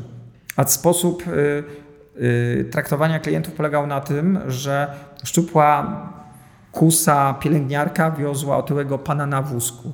No to takie też bodźcowanie i seksualne, i, mm, i fizyczne, mm, ale to jest to pracowanie na uzależnieniu na ludziach. To też jest smutne, że teraz, mm, y, ale to jest i tak fajnie szatańskie. Po co teraz robić wojnę? Wystarczy, żeby tylko dać ci jedzenie, które masz, lub zabrać ci jedzenie. Zabrać. Mhm. Albo wodę. No Zobacz, w Stanach Zjednoczonych dlaczego jest taka masa osób otyłych? Y, Bo jedzenie jest tanie, a wystarczyłby tylko, gdyby ktoś im ograniczył dostęp do tych wszystkich fast foodów. Wtedy by była rewolucja w Stanach. Tak, to może się dziać wiele. Uważam, że to jest jedna z najbardziej skutecznych metod y, do zarządzania społeczeństwami. Tak samo u nas. Y, My dyskutujemy o podatku nad cukier, do cukru i wielu innych rzeczy. E, no ale ktoś pozwolił na to, żeby to jedzenie było takie, a nie inne. Mm, Ja wiem, że to na początku jest szok, tylko potem człowiek się zaczyna budzić i mówi, że po pierwsze tyle nie potrzebuje, no ale jak nie potrzebujesz, to też nie jesteś dobrym klientem. A ty masz jeść, kupować, jeść, kupować. Mm, Więc ty, myślę, że z tą otyłością powinniśmy trochę inaczej do tego podejść. Oczywiście z pełnym szacunkiem do każdej z osób, ale też y, pokazać im naprawdę skuteczne rozwiązania, bo one są skuteczne, y, ale przyzwolenie robi o wiele większą krzywdę tym ludziom, y, jak, jak no bo nawet był kiedyś fajny przykład, y, tak, jakiś mm, Często są te programy żywieniowe, że osoby otyłe miały jeść zdrową żywność. To ich reakcje są no, kuriozalne. Na piękny zielony stół reagowały y, na przykład odruchami wymiotnymi albo wstrętem. Zobacz, jak psychika jest zaburzona. Także tutaj jest duże pole do popisu. Jak będzie, no zobaczymy. Fajne. Mm, Wspomniałeś już o wielu różnych ciekawych produktach do jedzenia. Mm, Jak według Ciebie, może nie powinien, ale jak warto się odżywiać? Co warto jeść w ciągu dnia? To jest tak, że jak przekroczymy te 80 i 20, bardzo szybko będziemy wiedzieć, czego potrzebujemy. I najlepiej słuchać swojego organizmu, że masz dzisiaj, nie wiem, ochotę na batata, na brukselkę, na marchewkę i tym się kierować. Oczywiście jak mam ochotę na wuzetkę, tiramisu, no to wiadomo, że nie, bo masz zaburzoną potrzebę, bo taka jest prawda. Zdrowy organizm nie potrzebuje słodyczy. No to jest właśnie paradoks. Jeśli potrzebuje słodkiego, to on zje gruszkę, jabłko, daktyl, y, winogron i to jest inny poziom, że tak powiem, słodyczy. Mhm. Tam jest błonnik na przykład, E, ale to jest też inny słodycz, bo zobacz, zjesz krówkę i zjesz daktyla, może ciebie mnie to nasyci, ale dla kogoś ten daktyl, no to nie jest krówka. To nie jest y, Michałek na przykład. I dużo osób po prostu jest uzależnionych od takiego chemicznego, y, takiej słodkości, bo tam są sztuczne aromaty wiele innych rzeczy. Ale jak zaczynamy jeść powoli, a to na co mamy ochotę, to bardzo szybko y, będziemy jeść to, czego potrzebujemy. tak jak ja zawsze powtarzam, krowa, koń nie je tego samego, jak ma możliwość oczywiście. Nie jest biednie zamknięty na jakiejś e, farmie czy w jakiejś chlewni. E, jak ma łąkę, to on będzie codziennie jadł co innego. I my mamy dokładnie to samo. I to jest fajne w zdrowym odżywianiu, że twoje jedzenie nie jest nudne. Ja naprawdę chyba bym sobie strzelił w łeb, jak ja miałbym codziennie jeść rano chleb, albo jajko, albo owsiankę 30 lat. No nuda, nuda. Jak masz mieć fajny dzień, jak ty jesz w kółko to samo? Mm, już nie wspomnę, że nie odżywi swojego organizmu. To jest bawienie się smakami. Y, ja wiem, że na początku człowiek potrzebuje pewnej granicy i pewnego, pewnej stabilności, ale warto sobie robić różne schematy. Widzisz, mamy podział, że na śniadanie to, na kolację to, na obiad. To jest guzik prawda. Kto ci powiedział, że masz iść na kolację to? Można ja zupę bym, na śniadanie zjeść. Ja, kolację to w ogóle zapomnij. Kolację to tam w ogóle nie potrzebujesz, ale mm, dokładnie możesz zjeść zupę, możesz zjeść cokolwiek. Y, my mamy te schematy. My powoli, to jest pewien czas. Jak wyjdziemy z tych schematów, to będziemy bardzo łatwo jedli to, co chcemy. Na pewno im więcej w naszym dniu będzie produktów świeżych, które są nieprzetworzone, które cię i nawodnią, i odżywią, i od, y, nasycą, tym lepiej. Mm, to, że ludzie mają takie spadki energii, często nie wynika z cukru, tylko są odwodnieni. Po prostu odwodnieni. I nagle się dziwią, że wypiją dwie szklanki wody. Ja się dobrze czuję. Ale jak to? To jest za proste. No właśnie, a życie jest proste. I to są takie, moim zdaniem, y, wybory, mm, a potem będzie coraz łatwiej. Jesz to, na co masz ochotę i wtedy, kiedy masz y, ochotę. Albo nie jesz bo też tak może być, co też jest dobre. Bo my nie musimy codziennie, tym bardziej, że większość z nas nie ma super aktywnego. No ile my możemy przejść? Podana gdzieś jest, że my przechodzimy w ciągu dnia statystycznie parę kilometrów. Ludzie mówią, to niemożliwe. No tak, ale jak wsiądziesz w samochód, w SKM, w środki komunikacji, to tak naprawdę my przyjeżdżamy. Ile my tej energii potrzebujemy? No to, to też jest to jedz, bo nie urośniesz, jedz, bo coś tam, coś tam, coś tam. I ludzie się po prostu boją zjeść mniej, mm, no albo to, co mówiłem, wartościują żywność, że takie produkty musisz jeść, a innych nie, co jest bzdurą, totalną bzdurą. Mm, a jakie z produktów byś polecił, które można by nazwać jako właśnie już takie naprawdę mega prozdrowotne? Ja na przykład nie wiem, uważam, że kapusta kiszona jest taką, albo ogórki kiszone, prawda? Co jeszcze z takich produktów można by polecić y, osobom, które chciałyby zmienić coś w swoim życiu? Każde zwykłe polskie warzywa, jakiekolwiek. Kasze, zboża, cokolwiek. Hmm. Zabawne są dla mnie te superfoody. One mają często te właściwości, mają czegoś więcej, ale nie są idealne. Hmm. Jak zaczniemy odkrywać, że możemy zrobić z banalnych rzeczy coś naprawdę zaskakującego, to dopiero zaczynamy to doceniać. Oczywiście można wydać parę tysięcy złotych za super produkty, ale po co? Po pierwsze ci nie smakują, po drugie aż wcale się po nich dobrze nie czujesz. Bez sensu. E, jak zaczynamy jeść zwykłe nasze produkty, to po pierwsze odkrywamy, że one fajnie smakują. Druga rzecz, że są bardzo plastyczne. Zobacz, w Polsce strączkowe zostały zapomniane. Nie jemy. Ja naprawdę jestem edukatorem żywieniowym i często z Bankiem Żywności w ramach pomocy żywnościowej jeżdżę po pomorskim. Kaszubi w ogóle nie znają. W ogóle nie znają. Tak jak w całej Polsce pasztet y, na święta z soczewicy, z grochu jest może popularny albo jedzony. Oni nie znają tego. Ja też pokazuję, a wiele tych produktów zapomnieliśmy. Jak soczewica, jak fasole. Kto teraz je fasole? Może zupę fasolową raz. Zupa fasolowa, takie rzeczy były kiedyś u nas normalnie jedzone. No jest, ludzie jeszcze to kupują, ale wiele rzeczy, bo można zrobić i, e, oprócz past, ale i na gęsto, i w sosach, i w zupach, i w kremach. Ja na przykład pokazuję, że e, zmielony, uprażony groch z plackami ziemniaczanymi zamiast mąki jest obłędny, jest po prostu obłędny. Placki ziemniaczane e, z grochem, z mąką grochową są 10 razy lepsze.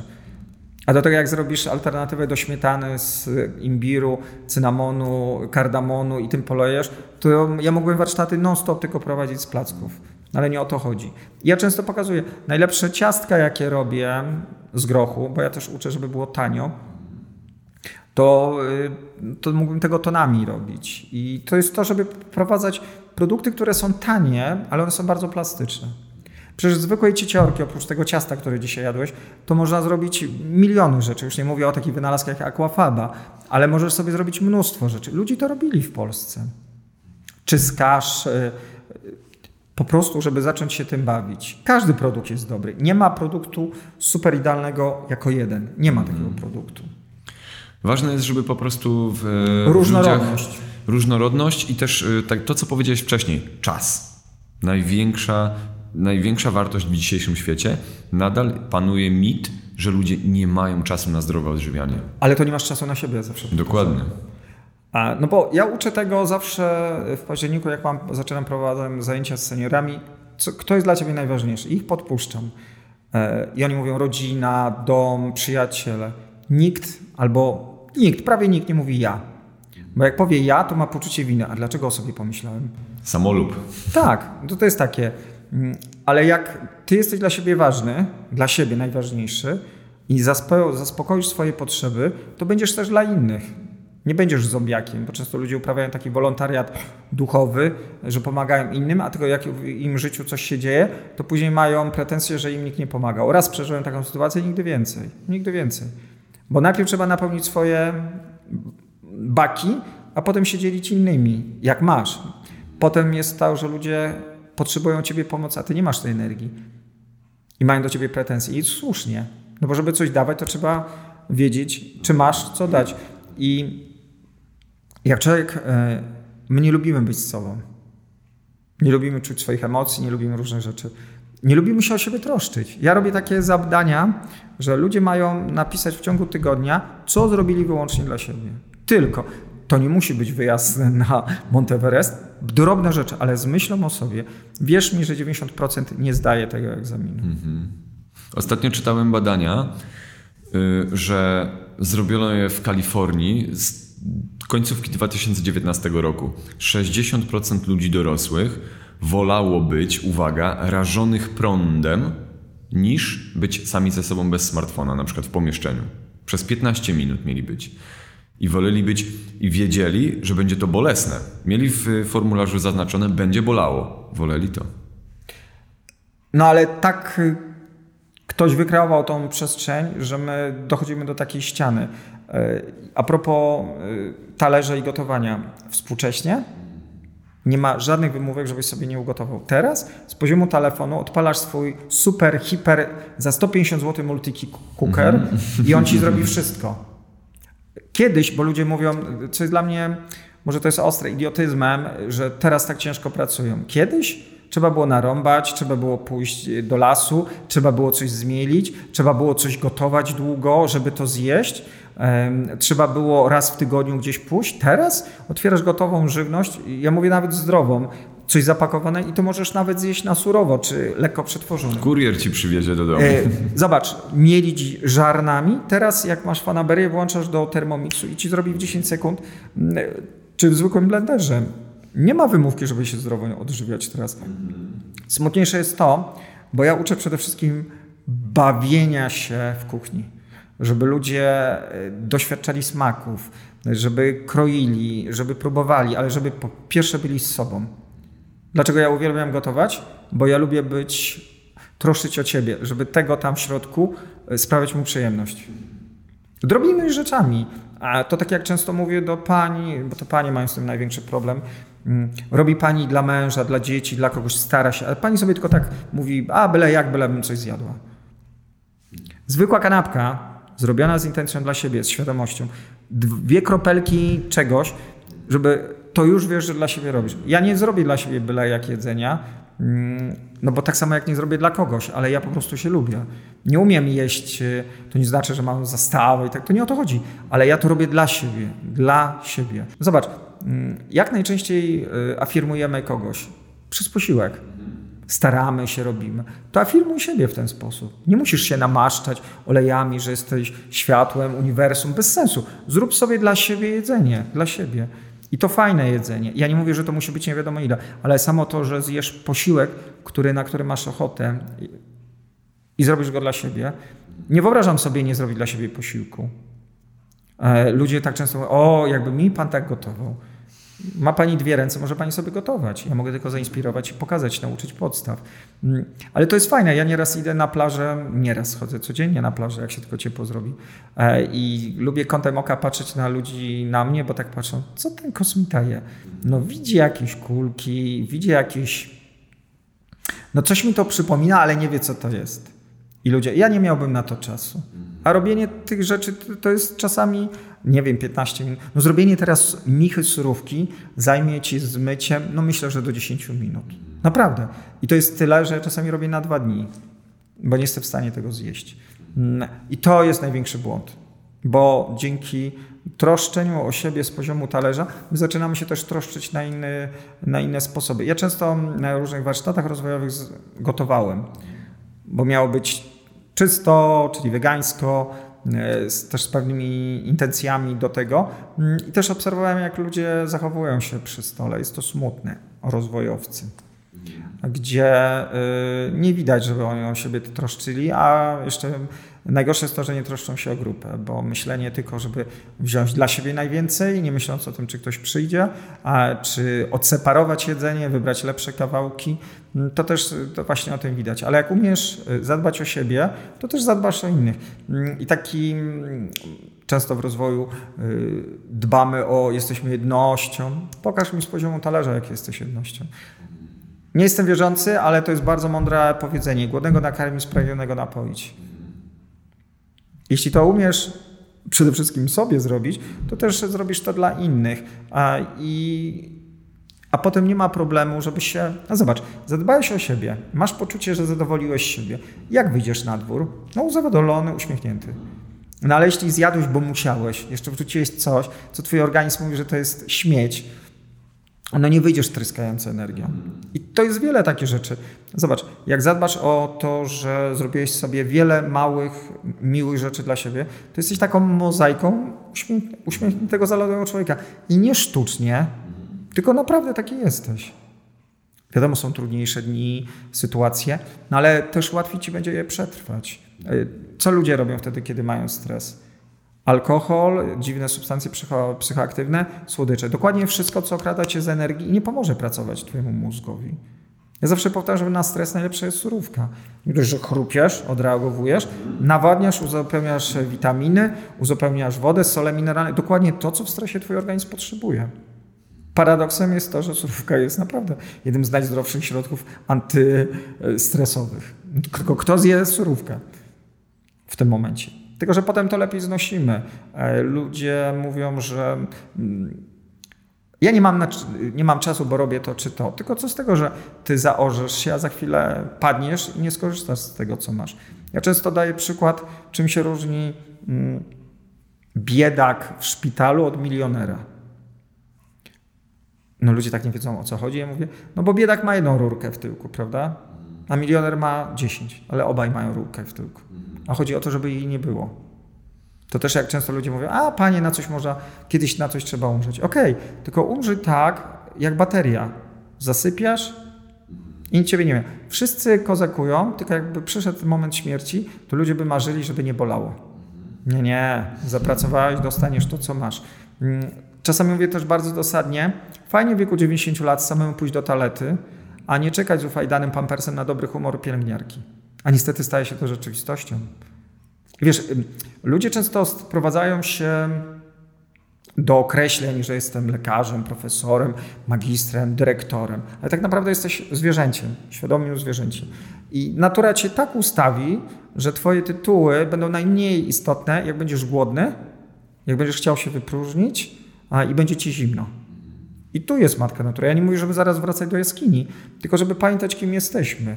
A jak zadbasz o swoje potrzeby, to wiele tych sytuacji unikniesz. To, że ludzie często e, chorują, i Boże, dobrze bym, wszystko bym zrobił, żeby to zmienić, ale dużo osób nie chce tego zrobić. Wielokrotnie rozmawiałem z ludźmi, którzy mają poważne choroby. Ja im mówię, sugeruję oczywiście, co warto by było jeść, żeby nie obciążać i odżywić organizm. Ja mam tego nie jeść, tego nie jeść, tamtego nie jeść. Ja mówię, przepraszam, ale to pani problem, nie mój. To nie chodzi, że jestem okrutny, chociaż kiedyś mnie mądrze nauczył kolega, że warto być pełen miłości, ale nie współczucia, bo źle pojmowane współczucie jest czymś najgorszym na tej planecie, szczególnie dla osób chorych. I ludzie tak, y, no chyba, że staną naprawdę mm, w, zajrzą oczy w śmierci, to czasami się zmienia, ale to też zmienianie z poziomu lęku, a nie z poziomu tego, że o siebie zaniedbałem. Okej, okay, zrobiłem coś źle, dobra, zrobiłem, ale od dzisiaj będę się starał dbać o siebie. Tylko nas nie nauczono tego, że to jest dobre dbać o siebie żeby się troszczyć o siebie. Zobacz, jak ty się o siebie zatroszczysz, masz inne nastawienie do wielu rzeczy. Ty nie będziesz ani agresywny, ani złośliwy, ani nie wiem. Będziesz miał empatię normalną, tak jak każdy ludzki y, zdrowy osobnik to ma. No tak samo jak najesz się, to się podzielisz tym talerzem. I to wiele rzeczy z tego poziomu wychodzi. Zobacz, wszystkie kultury duchowe mówiły o znaczeniu jedzenia. Na wiele, wiele przestrzeni. No ale jak ty sobie sam nie robisz jedzenia, My sobie nie zdajemy sprawy, że niezatroszczenie się z poziomu talerza ma tak fundamentalne, fundamentalne znaczenie dla, dla nas, jak się czujemy. Zobacz, mm, co my wspominamy z dzieciństwa najczęściej? Smaki. Ale smaki z jednej strony, ale ta cała otoczka, która ciebie dotyczyła. Bo ktoś się o ciebie zatroszczył, bo byłeś centrum uwagi, bo y, czułeś się najważniejszy w tym momencie. Potem jak byłeś trochę mądrzejszy, to wiedziałeś, że to jest smażenie naleśników jest naprawdę monotonne i długo trwa, ale jedzenie jest bardzo szybkie i fajnie jak za ciebie ktoś to zrobi. I my to pamiętamy. I taką samą troskę możemy sobie zrobić dla siebie. Tym bardziej, że teraz współcześnie zrobienie zdrowego jedzenia jest tak. Pełno przepisów, problem. blogów. Ale wiesz, sam proces tego zrobienia. Tym bardziej, że yy, współcześnie yy, poz, y, mm, kupienie produktów, przetworzenie może zająć Ci bardzo, bardzo mało czasu. Oczywiście później ewoluuje nasza świadomość do tego, jak się odżywiamy, bo to, co kiedyś wydawało nam się, że musimy jeść, odchodzi i zaczynamy jeść inaczej. Potem się okazuje, że zjedzenie bardzo prostych produktów da Ci więcej energii, jak y, zjedzenie, nie wiem, super przetworzonej żywności. A potem tak naprawdę żyjemy na takich niby niedoborowych rzeczach, a tryskamy energią, czujemy się dobrze, e, nie potrzebujemy wielu rzeczy. Samo to, że ludzie nie zdają sobie sprawy, a warto, że już zmiana na talerzu możesz uniknąć wielu chorób, które masz przez kilkadziesiąt lat. I nie jest to nic wyjątkowego. No, tak jak mówiłem wcześniej, dbasz, dostajesz bonus, nie dbasz, przychodzi komornik, tylko że to jest taki komornik bez serca, bo to już... Ale myślę, że to jest też sprawiedliwe. Jeśli człowiek y, no na niektórych to zadziała, no niektórzy umrą w niewiedzy niestety i w cierpieniu, ale dla części jest to y, jakieś tam rozwiązanie. Y, szkoda, że ludzie często z poziomu strachu dopiero zmieniają się. Fajnie, jak później zrozumieją, dlaczego to robią, ale fajnie by było, jakby gdzieś im ta klapka zaskoczyła, że tym talerzem możesz wiele zmienić. Ale to tak samo jak ruch. Ja wiem, że jak zacząłem uprawiać sport, to dopiero doświadczyłem, jaką mam elektrownię w sobie i mogę tą energię wydatkować. Gdybym nie uprawiał sportu, nie wiedziałbym tego. Dlatego, że zauważyłem, jak szybko się regeneruje, ile mogę zrobić y, i y, w porównaniu, jak widzę, ja nie potrzebuję wielu produktów. Może też inny rodzaj sportu uprawiam, ja nie mam potrzeby budowania masy mięśniowej, ale wiem, że gdybym chciał, to mógłbym to robić bez jakichś odżywek.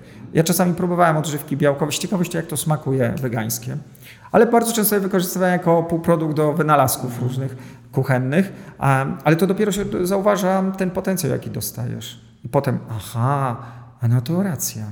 Dlatego te stare tradycje, jak się patrzy na to, co mówią, jak człowiek zaczyna zmieniać w swoim talerzu wiele innych rzeczy, no mieli rację. Tylko to czasami jest to proces, trzeba to włączyć. Tak jak nie, nie funkcjonują te elementy, no to tego procesu się nie zauważa. A tak naprawdę potrzebujemy niewiele y, do tego, żeby, nie wiem, jeść, funkcjonować. Nie znosiłem kiedyś sportu. Jak można było się ruszać? Dla mnie to był szczyt. Nie, już nie chcę obrażać. No powiem dosłownie, kiedyś miałem, że to idioci chodzą na siłownię. No ten idiota teraz sam prowadzi zajęcia. A więc to... Y, Dopiero jak się zaczyna zauważać, ile my dostajemy, bo my potrzebujemy ruchu, my potrzebujemy oddychać, my potrzebujemy się nawadniać, my potrzebujemy zjeść, tylko w taki naturalny sposób. Potem człowiek rozróżnia, że to, co je, na niego wpływa. Na energię, na samopoczucie. My tego nie zauważamy. Większość ludzi w ogóle nie widzi związku przyczynowo-skutkowego. Często ludzie mają, mają kiepski nastrój. Ja mówię, weź sobie pojedz parę dni tylko warzywka. Ty wiesz, jakoś tak się lepiej czuję. Mam lepszy nastrój. Zawsze, zawsze wszyscy tak mówią, jako pierwsza reakcja. I ja uważam, że to jest y, prawidłowa reakcja. Nie, bo to jest, ale to jest biologiczna, to jest metaboliczna. No jeśli twój układ nerwowy dostał składników odżywczych, to twój superkomputer w końcu zaczyna normalnie zarządzać. Jeśli twoje lita nie są obciążone i mogą sprawnie pracować, no to zdrowy organizm przetwarza energię, jak ma nadmiar energii, na ruszanie, na dobry nastrój, na komunikację. On to wszystko ma. No jak chorujesz, to wiadomo, jacy jesteśmy. Albo jesteś niedożywiony, bo się okradasz z energii. Mm, my mamy też zaprogramowane, że w pewnym wieku jest taki spadek, co jest bzdurą. My możemy tak lub równomiernie mm, do końca swoich dni być taką dynamiczną baterią. Ja to często słyszę mm, od seniorów. Ja z 10 lat z nimi już pracuję. Nie, nie, to już w moim wieku. No ale też są kodowani, jak pójdą do lekarza, bo w pani wieku. Ja zawsze mówię, proszę zmienić lekarza. Dokładnie. Jak, jak, jak słyszę coś takiego. E, ja naprawdę mam też osoby, które chodzą do mnie na zajęcia, mm, a moje zajęcia nie należą do najłatwiejszych. E, dlatego, że ja dostałem taką lekcję, że z betonu, żelbetonu, jakim byłem, upośledzony motorycznie, można było coś zrobić i dało się i ci ludzie widzą. Ja mam seniorów, którzy naprawdę, mm, jest takie ćwiczenie deska boczna, gdzie ludzie stoją z boku. Kiedyś się zagadałem z moimi seniorkami, ja nazywam Iron Woman, minutę, cztery minuty, bo robiliśmy zmiany. Można i to jest fajne, no ale nam się mm, wtłacza, że pewne grupy wiekowe nie mogą wielu rzeczy i my to tak przyjmujemy, albo tak, dlatego my tak akceptujemy choroby, bo a, bo w moim wieku, no tak, bo mam tyle lat, Wczoraj słyszałem kolegę, no wiesz, mam już 40, to już tak się sypiemy. No ale jak się tak sypiesz, to się posypiesz. No, no bo nie robisz tego i tamtego. Tak jak prowadzę zajęcia z mobilizacji i pokazuję na przykład aktywację obręczy barkowej, miałem 14-latków i tam się bierze kijek i się przekłada. To jest naturalny, to jest nawet jeden z testów motorycznych. I te 14-latki do mnie, jak pan to zrobił? Ja mówię, ale to wyście mnie powinni tego nauczyć, nie ja was. To jest smutne, bo kiedyś ludzie do pewnego okresu byli sprawni, a teraz już od małego e, zaczynają być coraz bardziej niesprawni. Kiedyś jeszcze była szansa na zjedzenie naturalnych produktów. Bardzo dużo dzieciaków wychowuje się teraz na wysoce przetworzonej żywności. Większość chyba. No i to jest smutne, że e, ich problemy zdrowotne w wieku 30 lat będą 60-latków obecnych. A mm, ja pracuję teraz z dziećmi mniej w kampaniach, mm, ale e, to jest ciekawe, jak nieraz z nimi robię jakieś warsztaty i mają mieć surowe buraki, wyglądają wszystkie jak wampiry i rodzice się dziwią, Jezu, moje dziecko je surowe buraki? No ale bo ktoś im pokazał, ktoś ich zainspirował, ktoś zaciekawił. Przecież ja mam taką maszynkę, dużo osób ma do robienia warzyw, te makaronów. I zostają takie grzybki tam na końcu to po prostu dzieciaki się biją o to, za kawałek surowego buraka. Ale ktoś im pokazał, ktoś ich zainspirował. Szkoda, bo tak wiele rzeczy można by było zmienić i ten talerz mógł być bardzo różnorodny. Tak samo później z aktywnością ruchową. E, smutne jest to, że. Mm, bo w Polsce mówi się, że jest rozwinięta teraz aktywność fizyczna. Nie, pewna grupa, to tak jak na zachodzie, pewna grupa będzie się rozwijała, ale większość ludzi nie będzie się ruszała. To jest smutne. To też jest smutne, bo w szkołach nas, ja sam byłem ofiarą traumatycznych doświadczeń na WF-ie i też może dlatego tak tyle lat nie, nie, nie uprawiałem sportu, choć parę lat miałem już w życiu wcześniej e, miejsca, gdzie mm, pracowałem w takich ekskluzywnych siłowniach, między innymi w Warszawie, gdzie mogłem za darmo chodzić, ale nie, nie, nie, nie. No właśnie. I to jest to, że nam się mm, w jakiś sposób to ogranicza. Wiem, że moi znajomi nauczyciele na WF-ie też mają problem z dzieciakami, bo nie chcą się ruszać. To są trudniejsze teraz dzieci, trudniejsza grupa, trzeba więcej wysiłku, ale jak im się to pokaże, to one chętnie chodzą. Tak samo z żywieniem. Ja na przykład y, staram się w ogóle nie solić y, na zajęciach i z dzieciakami robiliśmy burgery warzywne. To mówił, że bułki były bardzo dobre, tylko trochę mało słone, a gdzie w ogóle sobie nie było. I zjadały, i robiły. Tylko nam y, w domach w pewien sposób zabrano przyjemność wspólnego gotowania. Ja nie mówię, żeby celebrować nie wiadomo co, ale zrobić małe, drobne rzeczy. E, to i wiąże rodzinnie, ale też są wspomnienia, ale też umiejętności. Dużo osób, ich szczytem e, funkcjonalności w kuchni jest wciskanie przycisku w mikrofalówce. Nic więcej nie potrafią. No ale to tak się dzieje, dlatego też ludzie później nie doświadczają smaków, nie smakują im te rzeczy, bo, ich, bo te smaki nie poznali. Dużo osób mówi, że im e, wiele z tych normalnych, zdrowych produktów nie smakuje. Oczywiście, jakby im dać czas, to zaczyna im smakować. A nieraz na wyjazdach rozwojowych, jak gotowaliśmy dla osób, które były podobno bardziej świadome, to pierwsze dwa dni to było studium e, uzależnienia od kawy, od cukru. I wtedy takie osoby, te cwańsze, to jeszcze próbowały bardzo mądrze, kreatywnie odpowiadać na argumenty, ale kawa jest po to, ale przecież cukier, ale takie rzeczy. A w środku było takie małe dziecko, ja chcę, ja chcę tą kawusię, ja chcę. tylko minęły dwa dni i oni tego nie potrzebowali. I nagle zobaczyli, że nagle sikają więcej, że muszą częściej do talety chodzić, bo w końcu ten organizm zaczął wyrzucać śmieci i potrzebuje składników odżywczych. Więc u nas y, jakaś grupa zawsze będzie bardziej świadoma do tego podchodziła. Niestety większość widzę nie do końca. My płaczemy, że mamy problemy z niewydolnym systemem zdrowia, tylko u nas profilaktyka zdrowotna nie funkcjonuje. Warsztaty, edukacja na temat jedzenia, żywienia, y, oswajania tłumaczeniem z jedzeniem powinno być non-stop. Już w Polsce sam byłem świadkiem dzieci mylą cebulę z ziemniakiem. Mylą. Nie wiedzą, co to jest. Naprawdę nie wiedzą. Wielokrotnie słyszałem, że ziemniak to jabłko. No. Wiele dzieci już nie pamiętam, jakie warzywa nie znają. Chyba parę razy nie wiedzieli, co to jest burak.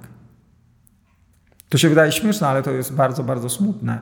E, I my w końcu odejdziemy od żywności zwykłej, takiej, która rośnie, do wysoko przetworzonej. Teraz jakby nastąpił globalny kryzys, taki coś by stuknęło, to większość ludzi nie umrze dlatego, że moim zdaniem że ich zabije coś, tylko ze stresu metabolicznego.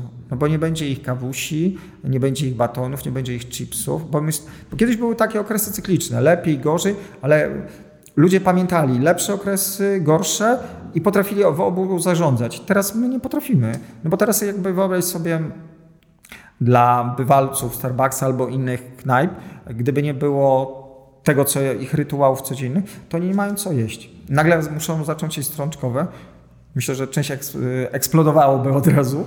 E, nadpodaż błonnika.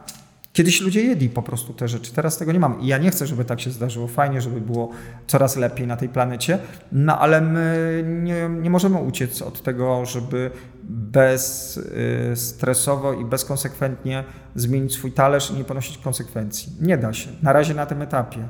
Już myślenie, takie nieraz czyta się geny związane z otyłością. Może nie będziesz chudł, inaczej, może będziesz chudł i będziesz szczupły, tylko twój układ na przykład y, wydalniczy, twoja wątroba będzie jeszcze szybciej y, degenerowała się, czy twoja trzustka. My chcemy drogi na skrót, ale po co? No właśnie to jest dużo rzeczy, e, strasznie komplikujemy, gdzie może być bardzo prosto. Też kwestia ekonomiczna. Ja prowadząc zajęcia edukacji w Banku Żywności też pokazuję, jak tanio można zrobić jedzenie, ale też bardzo często słyszę negatywne opinie, że zrobienie jedzenia z warzyw jest nie dla ludzi, delikatnie mówiąc. Także aspekt ekonomiczny, o którym, bo często ludzie mówią, że to jest drogie. Guzik, prawda, że jest drogie. Droższa jest Twoja choroba, droższy jest Twój stres u lekarza, droższa jest Twoja rehabilitacja i wiele innych rzeczy. Ja zawsze powtarzam, że zrobienie sobie jedzenia jest bezkonkurencyjne, jeśli chodzi o smak. Żadna tabletka tak nigdy nie będzie smakowała. Mm -hmm. A jeszcze mówiąc o ekonomii, też dużo produktów oznaczonych jako wegańskie, zdrowe, bez cukru. To są produkty no nie do końca zdrowe, a kosztują kilka razy drożej. Yy, no tak, ale jak jest klient, to jest inaczej. Jak jest produkt, to się znajdzie klient, bo to tak trzeba teraz mówić. Zgadza się. Ale to wynika też z tego, że ludzie nie robią sobie jedzenia. Bo gdybyś sobie robił jedzenie, to pierwsze co, tyle masz płacić za posiłek, Pomijając knajpki, no niestety żyjemy w takiej rzeczywistości ekonomicznej, jakiej żyjemy i takie podatki, jakie mamy i wiele innych rzeczy, że niestety mm, tak jest, ale wiele z tych, masz rację, tych produktów można zrobić tam. Ale wiesz, też y, wyjście do dobrej wegańskiej knajpy jest super po prostu, prawda? Czasami jak masz ochotę sobie coś zjeść mm, na mieście. Nie no, idziesz... fajnie, tym bardziej też kwestia mm, wspierania takich miejsc. E, to mnie nic za bardzo nie kosztuje to nie są jakieś horrendalne, ale świadomość, bo to też jest fajne, że jeden twój czyn daje wiele dobrych czynów. Zjadłeś, zadbałeś o swoje, dałeś komuś zarobić, ale jeszcze razem zrobiliście coś dla innych. Oni może tego do końca nie rozumieją na początku, mm, ci inni, ale z czasem to docenią, bo, bo może być lepiej. Powinno być przede wszystkim lepiej. Także to są takie wybory, które są kaskadowe. Może, z tego może być wiele dobrych innych rzeczy. Dużo osób e, zmieniając swój talerz, mm, jak naprawdę go zmieni, mówi, że to było jedna z najfajniejszych rzeczy, które doświadczyli. Współcześnie teraz żaden problem. Mm, y, ile teraz w sporcie się zmieniło, ile opcji. Y, moda na weganizm w sporcie zaczyna być coraz szybsza. Naprawdę, ja widzę coraz więcej. Nawet y, ikona kulturystów, Arnold Schwarzenegger, stał się weganem. Ja trochę z dystansem patrzę do tych gwiazd, bo oni tak często deklarują, a później okazuje, że wracają z maka. Ale ogólnie już wyartykułowanie tych rzeczy, gdzie dla wielu Arnold y, wręcz jest fanatycznym kultem y, celebrowany, no bo te wszystkie jego zalecenia. I to też wpływa, także zmiana na talerzu zaczyna być coraz duża. Fajnie, gdyby ona była całkowicie globalna. Y, no zobaczymy, jak tak dalej będzie, ale jest duża zmiana. Też fajnie, bo coraz więcej osób starszych i, naprawdę seniorów zaczyna zmieniać talerz, gdzie to było kiedyś totalnie nie do pomyślenia, e, a to się dzieje. No też e, podejście w Polsce do facetów, no bo kiedyś facet, który nie jadł mięsa, no to tak, no co jest największym idiotyzmem moim zdaniem. Jak kiedyś nawet miałem wykład u nas mm, w jednej z takich e, na plaży miejsc i tam miałem Oczywiście to było ironicznie. E, weganie zrobić z ciebie macz albo ma coś takiego, żeby ludziom pokazać mm, na wiele, wiele aspektów pod tym kątem. Bo to tak było dotąd postrzegane. E, ja zawsze wtedy cytuję e, Gandalfa w Złacy Pierścienia, jak powiedział bardzo mądrą rzecz, że siłą wojownika to nie jest zabijanie, tylko siłą wojownika jest pozwalanie nie zabić albo danie komuś życia. Więc tak samo takie wybory. E, no, postrzeganie płci przez prymat talerza jeszcze w Polsce funkcjonuje. Oczywiście coraz mniej, mm, ale, ale jeszcze funkcjonuje. To się na szczęście zmienia, bo w sporcie okazuje się, że przechodzisz na kiełki y, i zdecydowanie lepiej funkcjonujesz. Moim przykładem mojego trenera, który mnie stworzył, on kiedyś bardzo mocno mówił na temat białka, białka, białka, pojechał do Australii. Ja mu zresztą przepowiedziałem, że ty nie będziesz jadł mięsa i się okazało, że... Ale to jest człowiek, który się bardzo rozwija i łączy elementy, więc zauważył i teraz był w Polsce na święte i tego się pytam, jak ty tam funkcjonujesz. A sałatka, ziemniaczki i przeżyłem. A to, to, to nie jest człowiek, który mm, obija się, bo to jest człowiek, który startuje w ultramaratonach, prowadzi treningi siłowe jest wszechstronny, więc on się nie da oszukać na jedzeniu. To się zmienia oczywiście. Mm. Oczywiście zostanie taka grupa, która się nie zmieni. Y, ja uważam, że zmiana na talerzu zmieni i Twoją osobowość, zmieni Twoje ciało, y, zmieni też stosunek do Twojej choroby, bo jeśli kiedyś nastąpi taka choroba, to masz szansę albo ją zmniejszyć, albo się wyleczyć, bo wiele tych problemów możemy sobie poradzić. No, podstawowe choroby dietozależne, metaboliczne są z talerza. I to już nie mówią kosmici, tylko mówią lekarze od tylu lat. Ludzie się później dziwią, że y, kości się wzmacniają, jak zmienił talerz. Y, jelita zaczęły inaczej funkcjonować. Y, prosta rzecz. Ludzie mają permanentne nieżyty, śluzówki, zgagi i się okazuje, że jak zjedzą zwykłą kapustę, którą od lat polecam, surową, nieżyty potrafią się skończyć w ciągu czasami tygodnia, które były wiele lat. I wiele jest takich rzeczy, tylko dla ludzi to też przemysł wykreował, że musisz kupować kosmiczne produkty z dziwną nazwą, żeby na ciebie wpłynęły y, super.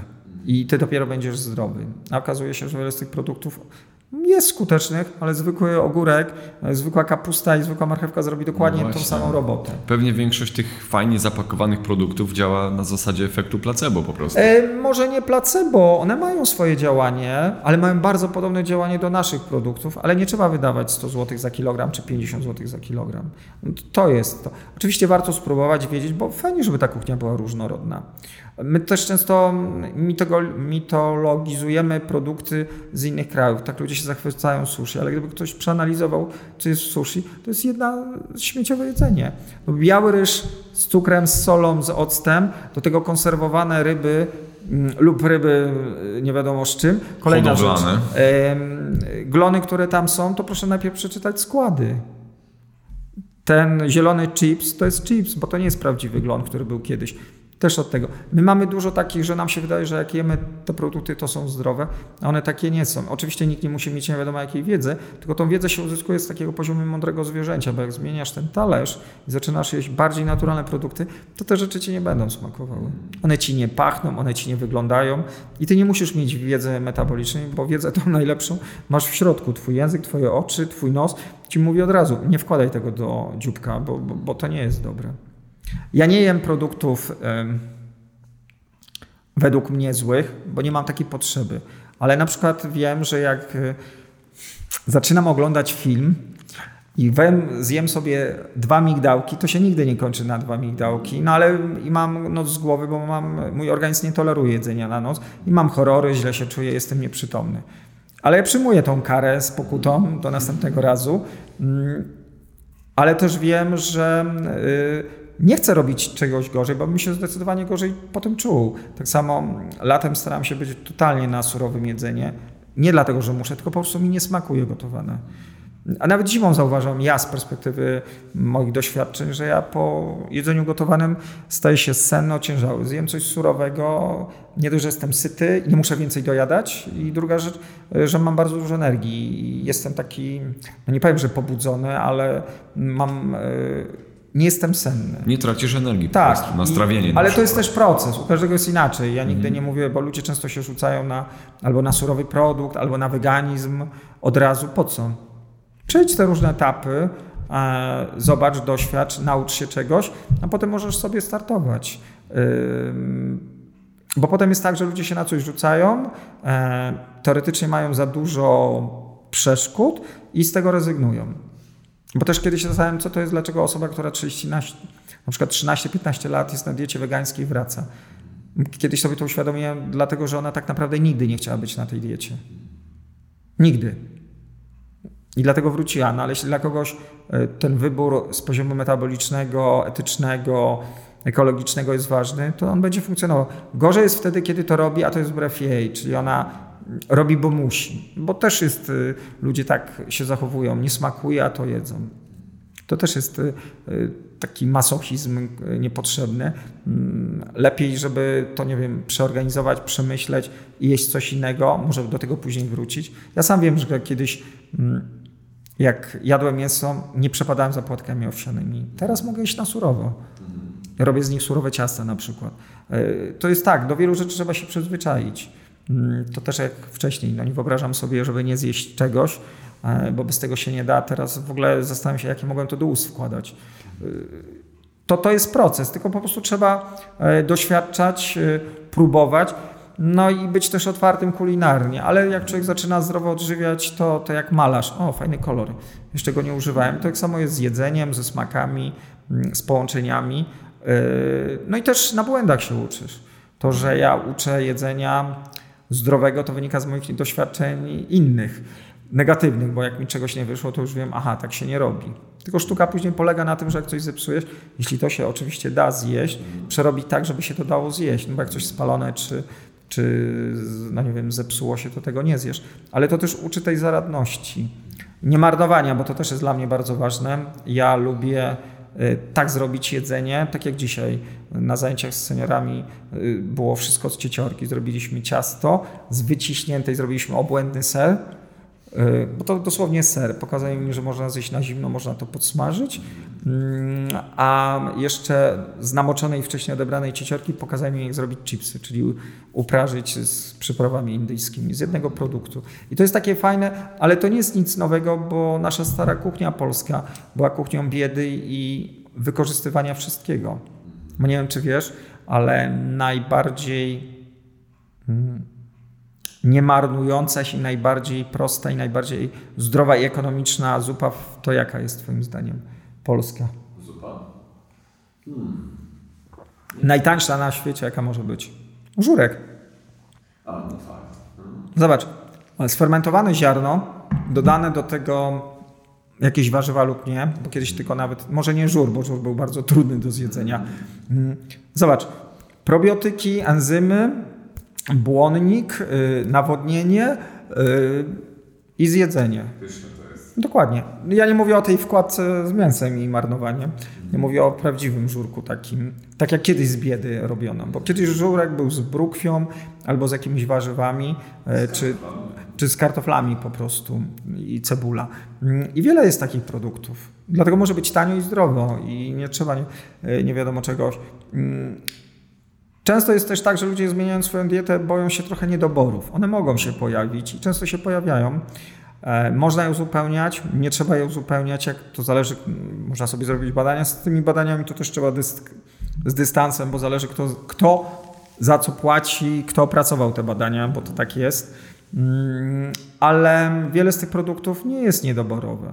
To, że weganie mają niedobory czegoś, czy wegetarianie, to tak samo jak. Y, Mięsożercy na, też tak, mają te same niedobory. Anemia jest w większym procentowym udziale u mięsożerców jak u y, wegetarian czy wegan. Ja wiem, że na początku są jakieś problemy. Mm, no bo człowiek się przestawia, może czegoś nie zje albo ma nadpodaż na biału, cukru, ale potem nie ma problemów. Kości mogą być jakie mogą być, y, siła, bo często tak się postrzega, mnie to bawi, że jak ktoś kilkadziesiąt lat jest na diecie wegańskiej, to powinien być już takim warzywem, które nie mówi, nie, nie funkcjonuje, nie może się odnaleźć w społeczeństwie. No okazuje się, że ci ludzie normalnie funkcjonują, żyją do końca swoich dni. E, to się oczywiście zmienia, bo często straszono. To też ma wymiar ekonomiczny. No niestety żywność ma teraz przede wszystkim wymiar ekonomiczny i te różne mody na jedzenie czegoś czy na niejedzenie mm, właśnie z tego wynikają, że ktoś sobie wymyślił, że mamy nadpodaż, nie wiem, mięsa, nabiału czy oleju i takie i takie modele żywieniowe się promuje. Mm, no ale też to trzeba przejść. To też musi się ktoś wystraszyć. Ja sam pamiętam, miałem 20 parę lat i mi pani powiedziała, mm, zaatakowała mnie wręcz a ty powinieneś zrobić badania, przecież może być już nowotwór. I wiesz, i człowiek tak, y, nie mając jeszcze doświadczenia, może się tego wystraszyć. No ale potem przychodzi ta racjonalizacja. Jezu, no zaraz. Funkcjonuję, mam dużo energii, nie chodzę do lekarza. Takie doświadczenia też są ciekawe, bo człowiek później się z tym y, weryfikuje i zauważa. Mm, część osób, która zmienia swoją dietę, trochę wchodzi w hipokondrię. Nie do końca gdzieś tam włączyła sobie zaufanie do siebie. Bo ja rozumiem, naprawdę źle się czujesz, idź do lekarza, zrób sobie badania, może trzeba coś uzupełnić. Ale jeśli ty dobrze funkcjonujesz, ja pracuję w sklepach ze zdrową żywnością. Często, a wie pan, a ma pan ten produkt? No, no, no. I oni jeszcze lubią przekręcić nazwę. Tak jak kiedyś do mnie przyszła pani i szukała było bardzo dużo ludzi. Ja bałem się po prostu, że parsknę śmiechem i mówi do mnie: Dzień dobry, proszę pana, ma pan ten ryż paranormalny? A jej chodziło, pomyliła z parabolicznym. Tak często w sklepach z zdrową żywnością ludzie. I czasami pytałem się o preparaty, na przykład mineralne jakieś. Ja się pytałem, czy pani ma takie e, objawy, niedobory? Czy pani gdzieś to sprawdziła? Nie. No ale czytałam. I tak dużo jest produktów, dlatego też często ludzie kupując, zaraz już zakładają, że czegoś będzie im e, za mało w diecie. Mm, moda mało... po prostu. Tak, no stymulacja też ekonomiczna, też osoby, które są na bardziej roślinnych dietach, czy w ogóle dbają o zdrowie, są bardziej podatne na taką presję, tylko że jak nie masz potrzeby, to tego nie bierz. Po prostu. Ja czasami mm, brałem produkty typu Morinda czy coś tam z ciekawości, jak to działa, ale większość to kawa, kawa. Chciałem zobaczyć, jak to wpłynie na układ nerwowy, bo podobno ma takie dobre działanie tonizujące. Większości tych produktów w ogóle nie odczułem, no ale to też z branży brałem, żeby po prostu wiedzieć. Um, wiele produktów innych nie brałem, bo, bo czułem, że, że ich nie potrzebuję. E, z perspektywy lat coraz mniej tych produktów y, używam. No może y, są takie y, herbatki z darów natury, Pitagoras i E, Pitagoras, a drugi, no właśnie Pitagoras by mi się przydało, widzę, że mm, i Herkules. To są fajne alternatywy do kawy i do wysiłku, bardzo polecam. E, Herkules jest, jeden i drugi zawiera adaptogeny, to są takie roślinne substancje, które można powiedzieć poprawiają Twoją odpowiedź na czynniki środowiskowe. Ale to nie działa jak kawa, to jest trochę inne działanie, dlatego że on, e, kiedy potrzebujesz energii, ją dostajesz, a kiedy masz niedobór to cię nie pobędza, nie jest środkiem psychoaktywnym. 10-11 zł kosztuje. Można sobie po prostu wypić. Może nie jest to aż tak dobre, jak powinno być, ale to można się przyzwyczaić, ale rzeczywiście bardzo dobrze działa. E, ale to tak można szukać. Zwykły rozmaryn no. zmielony, y, łyżka wypita y, z wodą potrafi cię obudzić y, na, na dobrych parę godzin, szczególnie jak dużo się uczysz. Mm, I ale to jest to, co kiedyś do mnie przyszła pani y, Japonka, nie Chinka, bo ja tak fajnie mówiła. Ja miałem w sklepie bardzo dużo różnych produktów mm, i ona, o fasolka mung to jest dobre na to, to to jest to całościowe postrzeganie żywnością, że żywność cię karmi, ale może też na ciebie wpływać terapeutycznie. Tylko trzeba wiedzieć. Tak, ale jak będziesz jadł, to będziesz wiedział. No właśnie o to chodzi. Powtarzanie czyni doskonałym. Kiedyś tak sobie wymyśliłem i tak mówię do ludzi na zajęcia.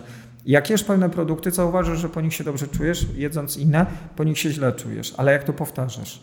Mm, jak jesz, e, nie wiem, ubogie, wysokoenergetyczne, to wiesz, że masz spadek, e, źle się czujesz i wiele innych rzeczy. Ale jak zaczynasz jeść e, produkty bogate, bogato-resztkowe, to okazuje, że ty nagle jesz mało, ale ciebie roznosi energia. Y, ja pracuję też y, czasami z ludźmi manualnie, tajemnic tam coś y, strzyknie, więc takim naprawiaczem jestem. Bardzo to lubię też. To bardzo łatwo poczuć, jak ludzie są spięci, ale też bardzo łatwo widać, to nie powiem, że to jest standard, ale naprawdę u osób, które się zdrowo odżywiają, są nawodnieni, jest inne ciało w dotyku. Naprawdę jest inne. Jest inne. E, ja nie mówię, że tak zawsze jest, ale zresztą to jest oczywistość. No, twoje tkanki będą w najlepszej w danym momencie funkcjonalności, więc też odczucie, ocena ich też taka będzie. Elastyczność.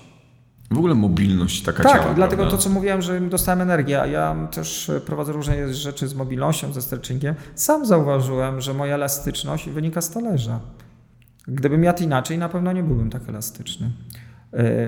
No ale dlatego wiodzę, praktykuje się warzywa, w wielu innych y, starych tradycjach, bo oni to zauważyli.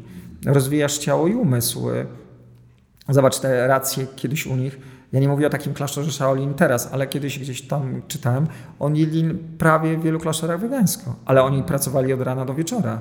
I to nie była taka praca, jak nam się wydaje. Oni naprawdę bardzo intensywnie jedli bardzo, bardzo proste produkty. I mało. I mało, bo my tak dużo nie potrzebujemy. Właśnie my przeżeramy jej jedzenie. To już nie nawet nie jest jedzenie. My jesteśmy takimi monstrami, które tylko żrą, bo to nie może nazwać już jedzeniem. No ja czasami brutalnie mówię, ale to też trzeba czasami tak powiedzieć. My marnujemy tyle jedzenia. My mielibyśmy mm, w, tym, w tych przestrzeniach o wiele więcej lasów i łąk jak pól. Zobacz, mm, dla mnie największym kuriozum i najbardziej chyba bolesne było to, jak kiedyś z jedną z firm robiłem prezentację w centrach handlowych mm, i produkty te sojowe, kiełbaski, tofu leżały obok mięsa. To już mnie denerwowało, ale oni mówią, że to, ale mięso, no to żeby ludzie łatwiej kupowali. I wiesz, co mnie najbardziej zbulwersowało, że często to mięso nie zostało sprzedane, położone tam w tych koszach do przeceny i ich nie, nie kupił w ogóle. Czyli ta śmierć tego zwierzęcia była totalnie bezsensowna, bo nawet głupi sens, że zostało zabite i zjedzone, ono tylko zostało zabite i nie wykorzystane. I do kosza. I do kosza. I to jest absurd z tego y, świata, że my tak dużo żywności marnujemy. Y, bez sensu, totalnie bez sensu.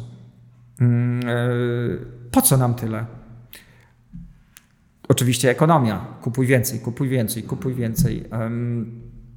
My dopiero sobie z czasem zdajemy, tak jak mówię, ja nie potrzebuję lodówki. Ja dopiero jak miałem taki okres, że y, tam, gdzie mieszkam, mam lodówkę, ale ja prawie z niej nie korzystam. Y, ale tam y, wcześniej, jak mieszkałem, ja przez 2-3 lata w ogóle nie, nie używałem lodówki. I złapałem się na tym, że ja w ogóle nie potrzebuję.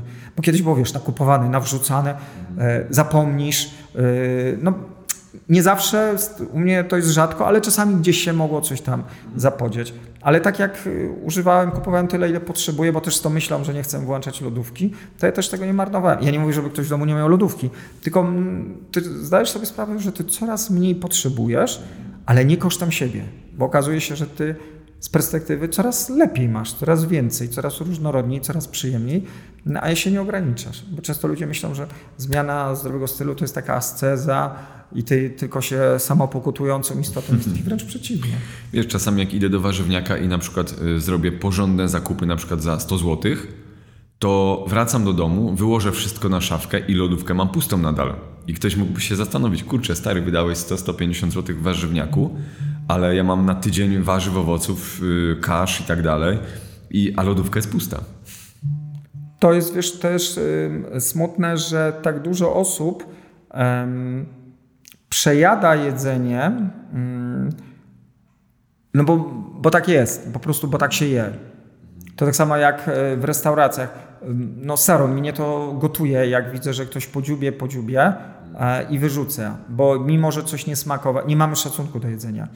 E, ja się śmieję, że Mógłbym robić takie e, obozy reedukacyjne w Korei Północnej. Jakby tak ludzie przez tydzień nie jedli, to może by docenili jedzenie. Przesadzam, ale e, okej, okay, mi nie zawsze coś smakuje. Ja no nie zjem czegoś, co się nie nadaje do jedzenia, ale jeśli to nawet nie jest według moich schematów żywieniowych, ja nie mówię o zdrowiu, ale po prostu smakowych, ja to zjem, ale nie zmarnuję. Czasami mi coś nie wyjdzie też, ale nie wyrzucę tego. I to, to mnie też doprowadza do pasji. Zrób sobie mniej. Tak samo jak na wielu warsztatach. Nie mówię, ja wam nie żałuję. Zrób, ja wam dam teraz mniej, będziesz chcieć, to dołóż sobie. A nie nawrzucaj sobie cały talerz, podziubiesz, ty wyrzucisz. Może ktoś by to zjadł to by się nie zmarnowało. I to też jest. My staliśmy się strasznie rozpłaconym społeczeństwem. W ogóle nie mamy szacunku do jedzenia e, i do tego, jak ono jest robione. E, no, ono też jest różnie robione. To trudno, żeby czasami mieć szacunek, jak tam jest nie wiadomo ile chemii w tym. Świadomie, bo ja nie mówię o tym, że gdzieś nieświadomie, ale świadomie. Mm, ale właśnie, po co ty tyle? Zobacz, jedna niedziela jest zamykany sklep, jest wariacja. Ja w tym Armagedon. Klubie, mam na dole jeden z, właśnie z Lidlów. To, co się dzieje, ja czasami się czuję jak kosmita, bo ja sobie wezmę jakieś tam, nie wiem, jabłka, orzechy, yy, jakieś... I czasami ci mądrzejsi to mnie przepuszczają, bo oni mają po prostu zawalone. Jeden dzień. Te śmietniki, które są pełne. Mówię, pracując z Bankiem Żywności, sam widzę, ja teraz mniej, bo ja nie jeżdżę logistycznie, ale zdarzało mi się widzieć z jednego sklepu, z jednej dostawy cały bus jedzenia. Cały bus jedzenia. Słuchaj, yy, skrzynki z cytrynami, które były bardzo dobre. Ziemniaki, które się nadawały do jedzenia. Ja rozumiem, jak tam coś było podwiędnięte, ale to się nadawało do jedzenia. I tak jest z jednego sklepu. Chlebów, A ile sklepów jest? Z chlebów, pieczywa. Ile tego się wszystkiego marnuje? No ale tak, bo to już jest y, za y, twarde. To rycie w tych koszach, no, no mnie to po prostu doprowadza do pasji. Jak to będzie tak przeryte, to najlepszy pomidor to nie jest diament, że on e, nie pęknie, to wiadomo, co się zrobi po paru godzinach z tym pomidorem. A ludzie tam ryją, bo to nie jest normalne szukanie, grzebią jakby świętego grala mieli. No wiadomo, że później to, ta żywność... Ja, ja mam takie skrzywienia, ale ja nieraz idę przez te półki i myślę, Jezu, ile bym z tego mógł zrobić jedzenia? Ile można by było to wykorzystać? To fajnie, czasami dobrze, że teraz oddaje się, ale to jest ułamek tego, co my marnujemy. Ale winą za marnowanie to są my wszyscy jako obywatele. Po co tyle kupujesz? Nie potrzebujesz teraz te, tego jedzenia. Mm, to jest często tak, że ludzie nakupują y, śmieciowego żarcia typu batony, chipsy, zostają w domu powiedzmy produkty pełnoziarniste, już tego nie zjedzą, no bo bandziok za przeproszenie został napchany śmieciami, no bo tak jest. I później już tego nie chcą jeść. I później wyrzucają. E, ja często robię warsztaty z niemarnowania pieczywa, bo tego się też bardzo dużo marnuje. E, I ludzie są zaskoczeni, że chleb może być na tyle postaci. Nie mówię jakieś tam biedne gofry, nie gofry, tylko te grzanki, ale można zrobić tego bardzo dużo i bardzo szybko i bardzo tanio. Mm, e, I tak wiele rzeczy, tak samo z warzyw. Po co tyle? Ja często kupuję produkty, które nie wyglądają bardzo ładnie, Mm, no z tego, że mam trochę mnie boli, że ktoś to wyrzuci, nie zawsze, e, albo z tego mogę wiele rzeczy. Na warsztaty bardzo rzadko biorę piękne warzywa i owoce, bo jeśli zrobię z tego surówki, tego w ogóle nie będzie widać. Dokładnie. Czy zrobisz pasztet, czy zrobisz sos, czy zrobisz krem. Ja, ale też tego też uczę i my często na zajęciach, jak robimy jedzenie, mm, to nie to, że wychodzi tego gigantycznej ilości, bo ja mam taką jakieś bizantyjskie podejście, nie umiem mało robić jedzenia, mm, ale też y, pokazuję, że można to wykorzystać. Tak samo jak z Bankiem Żywności mm, na y, jakichś działaniach edukacyjnych. Ja pokazuję i ludzie są później zdziwieni. To z tego pan zrobił? A Polacy kiedyś potrafili e, fajnie przetwarzać żywność, bo tej żywności nie było. Ja nie mówię, żeby było wydzielanie jedzenia i kartki, bo to był chory czas, ale żebyśmy my świadomie coraz więcej. E, wina też jest rodziców, bo e, to rodzice marnują żywność. Dzieci się tego po prostu uczą. To wyrzucanie. Kiedyś ja pamiętam te czasy, mm, jak ludzie, jak bułka czy chleb upadł, to robili krzyż. Tak się zastanawiam, po co to robili? E, bo wiedzieli po pierwsze, jak ciężko to było zrobić, bo też robili w domu. Druga rzecz, że nie zawsze można było to zjeść. Ja nie mówię, żeby jakoś tam pościć, ale jakbyśmy mieli trochę więcej szacunku, to też mniej byśmy marnowali jedzenia, mm, ale też byśmy się czuli lepiej. No zobacz, zjedzenie zwykłego, najbanalniejszego pęczaku, najtańszej kaszy z warzywami kosztuje grosze, wychodzi tego bardzo dużo i ty się potem dobrze czujesz. A potem, tak, a potem pójdziesz do knajpy i musisz dużo zapłacić za coś, co możesz, ja, jak chcesz to pójdź, ale generalnie w domu. Często na warsztatach e, mówię, a, uświadamiam tym osobom e, z Banku Żywności, że normalnie za takie warsztaty zapłacą bardzo dużo pieniędzy. No bo sam wiesz dobrze, ile kosztują warsztaty kulinarne. A oni bardzo często wykorzystują takie produkty. Właśnie. E, my odeszliśmy o wielu produktach. Kasza jest prawie niejedzona w Polsce. Coraz mniej, naprawdę. Ja wiem, bo ja zaraz znów będę tego widział bardzo dużo. Ludzie mają wręcz. Hmm, może starsze pokolenie też miało to, ja sam pamiętam w czasach szkoły podstawowej, że ta kasza wyglądała jak taki szary, obrzydliwy glut i to było niedoprawione, bo kucharkom się nie chciało. Często też lenistwo. Kasza jest objętościowa, dużo się gotowało, najważniejsze, że się zrobiło. Ale dodać jeden, dwa składniki, ta kasza jest przepyszna. I tak naprawdę jak kaszę się doprawi ziołami, tą kaszę można zjeść samą, już nic więcej nie potrzeba. Polska w ogóle jest specyficznym krajem. Smutne, że kiedyś tak było. Mieliśmy bardzo dużo rodzajów kasz. My w ogóle to jest ewenement na skalę, no nie wiem, czy świata nawet. My tyle nie jemy teraz. Dzieciak zje kaszę? Akt heroizmu, że on to weźmie do ust. Y, ja z dzieciakami przecież czasami robiłem warsztaty. Ja nawet z dziećmi kiedyś zrobiłem, y, chciałem im pokazać, z kaszy zrobiłem ciasto jako spód, zrobiłem z tego krem. I oni to wszystko zjedli. Także y, można, tylko u nas się tego niestety zmieniło. Rodzice kiedyś częściej gotowali, robiliśmy razem coś z rodzicami. Teraz tego nie ma. Mm, I też przez to my nie znamy wielu smaków. Jak ktoś mi mówi, że nie ma czasu, a kasza się gotuje zwykła, ta drobna, no nawet nie 3 minuty, i często ludzie mówią, że nie mają pieniędzy na, na, na żywienie, a kasza kosztuje chyba 2 zł. Ja nieraz na mm, jakichś warsztatach mm, pokazuję, jak z małych ilości produktów robimy ogromne ilości jedzenia, ogromnej ilości. Ale to jest właśnie to, żeby zacząć eksperymentować. Bo ludzie mówią, ja nie przeżyję, jak to niektóre osoby mówią, oni nie chcą przeżyć życia w kuchni. Tylko, że kuchnia jest zawsze najfajniejszą przestrzenią w domu, gdzie się ludzie spotykają, rozmawiają. Zobacz, święta. Święta się najbardziej pamięta e, z pryzmatu kuchni, rozmów, robienia i wielu innych rzeczy. E, to jedzenie nas e, łączy, inspiruje, a my stajemy się teraz coraz bardziej anonimowi, jeśli chodzi o jedzenie. Wiesz, budka, ten, stoisz, dostaniesz mm, i następny. To jest po prostu przemysł. Smutne, że się na to zgadzamy. Oczywiście nieświadomie na początku, e, że te relacje zatracamy, a może być całkowicie inaczej. E, tym bardziej, że ja często jak e, mam nowe osoby, to ja z nimi interakcje i takie nawiązywanie kontaktów przez zrobienie razem jedzenia. A najfajniejsze jest to, że oni nie wiedzą, co robią, więc muszą zacząć z sobą się komunikować. E, a potem są też bardzo dumni. Kiedyś miałem panią na zajęciach, która mm, miała bardzo niskie poczucie wartości. Ona nie umie gotować, ona nic nie robi. I ona za mną zrobiła bułki. Oczywiście te bułki na początku nie wychodziły, to znaczy manualnie, no bo to wiadomo, ile trzeba tam zrobić, żeby tego. Ale upiekła swoje bułki, własne bułki. Wiesz, jak się oczy błyszczały? Kobieta 40 parę lat, ale ona jak się podbudowała. I to są takie małe zwycięstwa, które później okazuje się, że e, umiesz, potrafisz, masz jakiś zmysł. E, i się rozwijasz. Dużo osób e, przez kuchnię zaczyna tworzyć swoje pasje. Nie wiem, ktoś piecze ciastka, bułki, czymś się dzieli. Niektórzy idą, nie wiem, w edukację, wiele innych rzeczy.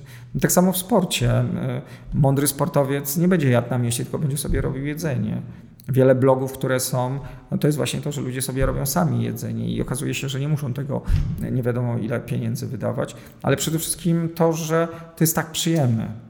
Bo ludzie myślą, że przy zdrowym jedzeniu to ty już stracisz najbardziej ulubione smaki. Smaki są tak plastyczne, że to, co ci dzisiaj smakuje, jutro tego nie będziesz e, no, brał do ust, bo to po prostu dla ciebie jest obrzydliwe. I dopiero zapach, e, nie wiem, świeżo przykronego jabłka, pomarańczy, e, sałaty, kapusty, dopiero czujesz tą przyjemność tych smaków, a nie chemię różową y, czy, czy jakieś y, wynalazki, które teraz są bardzo modne mm, i ludzie się tym zachwycają. Smaki się też zmieniają, wiele produktów ty w ogóle nie potrzebujesz. Tak jak ja kiedyś uwielbiałem słodkie napoje i nie wyobrażałem sobie z nich żyć. Pamiętam po pół roku wypiłem, e, to chyba Fanta była, już nie pamiętam. Jakie to było obrzydliwe. Bo to jest obrzydliwe. To jest obrzydliwe. Tylko, że człowiek po prostu się zaadaptował do tego. Mamy zdolności do adaptacji do wszystkiego. I tak z wieloma smakami. A potem e, bo ludzie mówią, ale ten pan ma, pan ma silną wolę. To nie jest silna wola. Po prostu mój język mówi, że nie wkładaj tego do dzieła, bo to jest obrzydliwe po prostu. Bo się już jakby zdeprogramowałeś ze starego tak. po prostu. Zobacz, y, są te teraz nieraz takie na YouTubie filmiki, jak psom, kotom dają różne jedzenie i jak te psy wybierają i tak koty szczególnie tak robią. No ale to tak jest, że po prostu to nie smakuje. Człowiek jest inną y, istotą, że potrafi wszystko zjeść, a najgorsze jest to, że wszystko, co jest najbardziej destrukcyjne nam najlepiej smakuje. Sam przykład alkoholu. Alkohol został już wdrukowany w naszą tkankę wręcz genetyczną. My sobie nie wyobrażamy żyć bez alkoholu. Gdzie ten alkohol w ogóle nam jest do, do szczęścia niepotrzebny.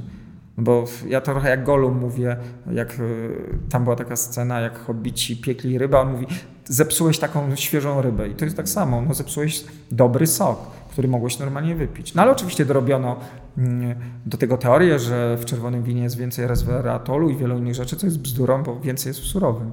To jest takie, wiesz, szukanie naokoło dobrych rzeczy, które możesz od razu znaleźć. I, i wiele jest takich rzeczy, które my sobie mm, strasznie skomplikowaliśmy, mogło być inaczej. Nasz rytm dnia, y, rytuały dnia mogły być inaczej. Zobacz, rytuał dnia wstaje zombiach, prądem, bo musi wypić żużel, potem coś słodkiego i potem coś. No i chodzi, później pada, na koniec zje. Czemu jemy na noc? Nie jemy na noc z głodu, bo też jesteśmy głodni, tylko ilość bodźców, które na nas wpłynęło, potrzebujemy sobie dać w żyłę, no bo jak się najesz mm, i padasz i przeżyłeś kolejny dzień. Ale nie uciekniesz od tych stresów, nie uciekniesz od tych doświadczeń, bo i tak głowa musi to przerobić. Daj lepsze narzędzia, to głowa to sobie bardziej z tym poradzi. Może zaboli, ale zaboli mniej. Y, a my, my nie umiemy sobie z tym radzimy. No i potem jest koło zamknięte, tak jak te amerykańskie filmy, te pojemniki od farby z lodami y, i zajedza jedzenie. I, no, dokładnie. E, I później ludzie się dziwią, że są, nie wiem, roztrzęsieni, że nie mają energii.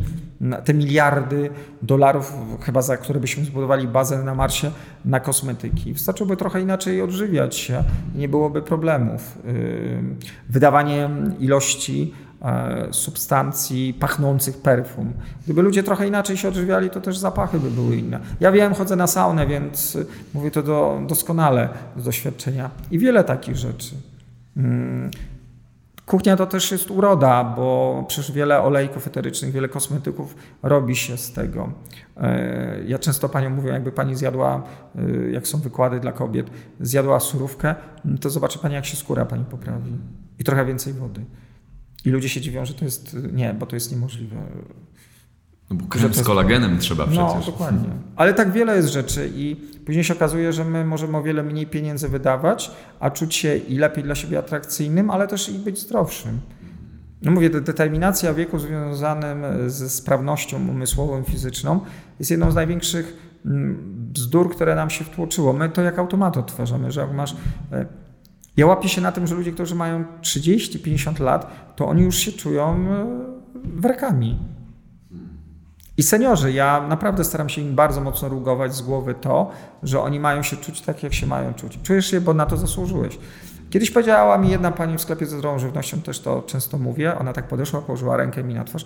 Panie, no już Kuba tam mówi o zdrowiu. Ja, miała 80 parę lat. Jak pan będzie w moim wieku, to pan zrozumie. A ja tak do niej miło powiedziałem, wie pani, jak będę w pani wieku, to będę robić wszystko, żeby się tak nie czuć jak pani. To powiedziałem z troski, nie powiedziałem, żeby ją obrazić, tylko dokładnie to. I mam na to przykłady, że ludzie mogą się bardzo dobrze czuć. Mm, szkoda, że my nawet nie próbujemy. Ja sam wiem, jak e, nie uprawiając sportu, miałem problem z kręgosłupem i powiedziałem sobie, że będę ćwiczyć, no bo czułem, że muszę się ruszać. I nie zapomnę te 5 minut, Powiedziałem, że to oczywiście nawet nie były ćwiczenia, to były jakieś nieskorydowane ruchy, bo sam sobie coś wymyśliłem. I pamiętam, jak sekundnik leciał, tak to niemożliwe, żeby czas tak wolno płynął. Ja teraz potrafię iść na 5 godzin i ten czas mi leci. No plus tam oczywiście ktoś do mnie przyjdzie z jakimś problemem, ale to jest to, że sport trochę mi pokazał względność czasu.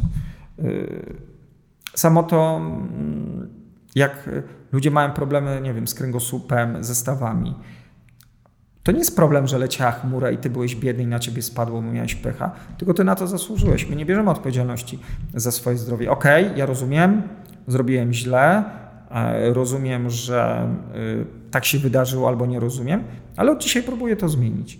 A ludzie tego nie chcą. Często chcą celebrować chorobę. Ja też często mówię do swoich seniorów, ale w ogóle, zobacz, w Polsce osoby starsze, co, cześć, co u Ciebie słychać? No okej, okay, no coś mam ze stawem. No u mnie ze stawem i wątrobą, no u mnie ze stawem, wątrobą i się zaczynają y, licytować, kto ma więcej. A ja bym chciał usłyszeć, a wiesz co, mi już nie boli kręgosłup. No bo chodzę na zajęcia, coś zrobiłem. Zmieniłam dietę, nie boli mnie wątroba. Jest to do Ale możliwe. nie ma o czym rozmawiać. No nie ma o czym rozmawiać.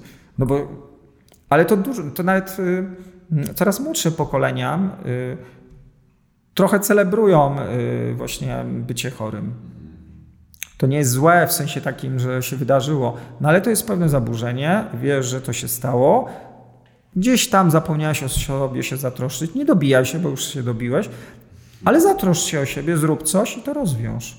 Ja też jak kiedyś zachoruję na coś, to nie będzie wina kosmitów i wpływu księżyca na mnie, tylko moja wina, że się zaniedbałem, że nie zatroszczyłem, bo nie słuchałem swojego organizmu.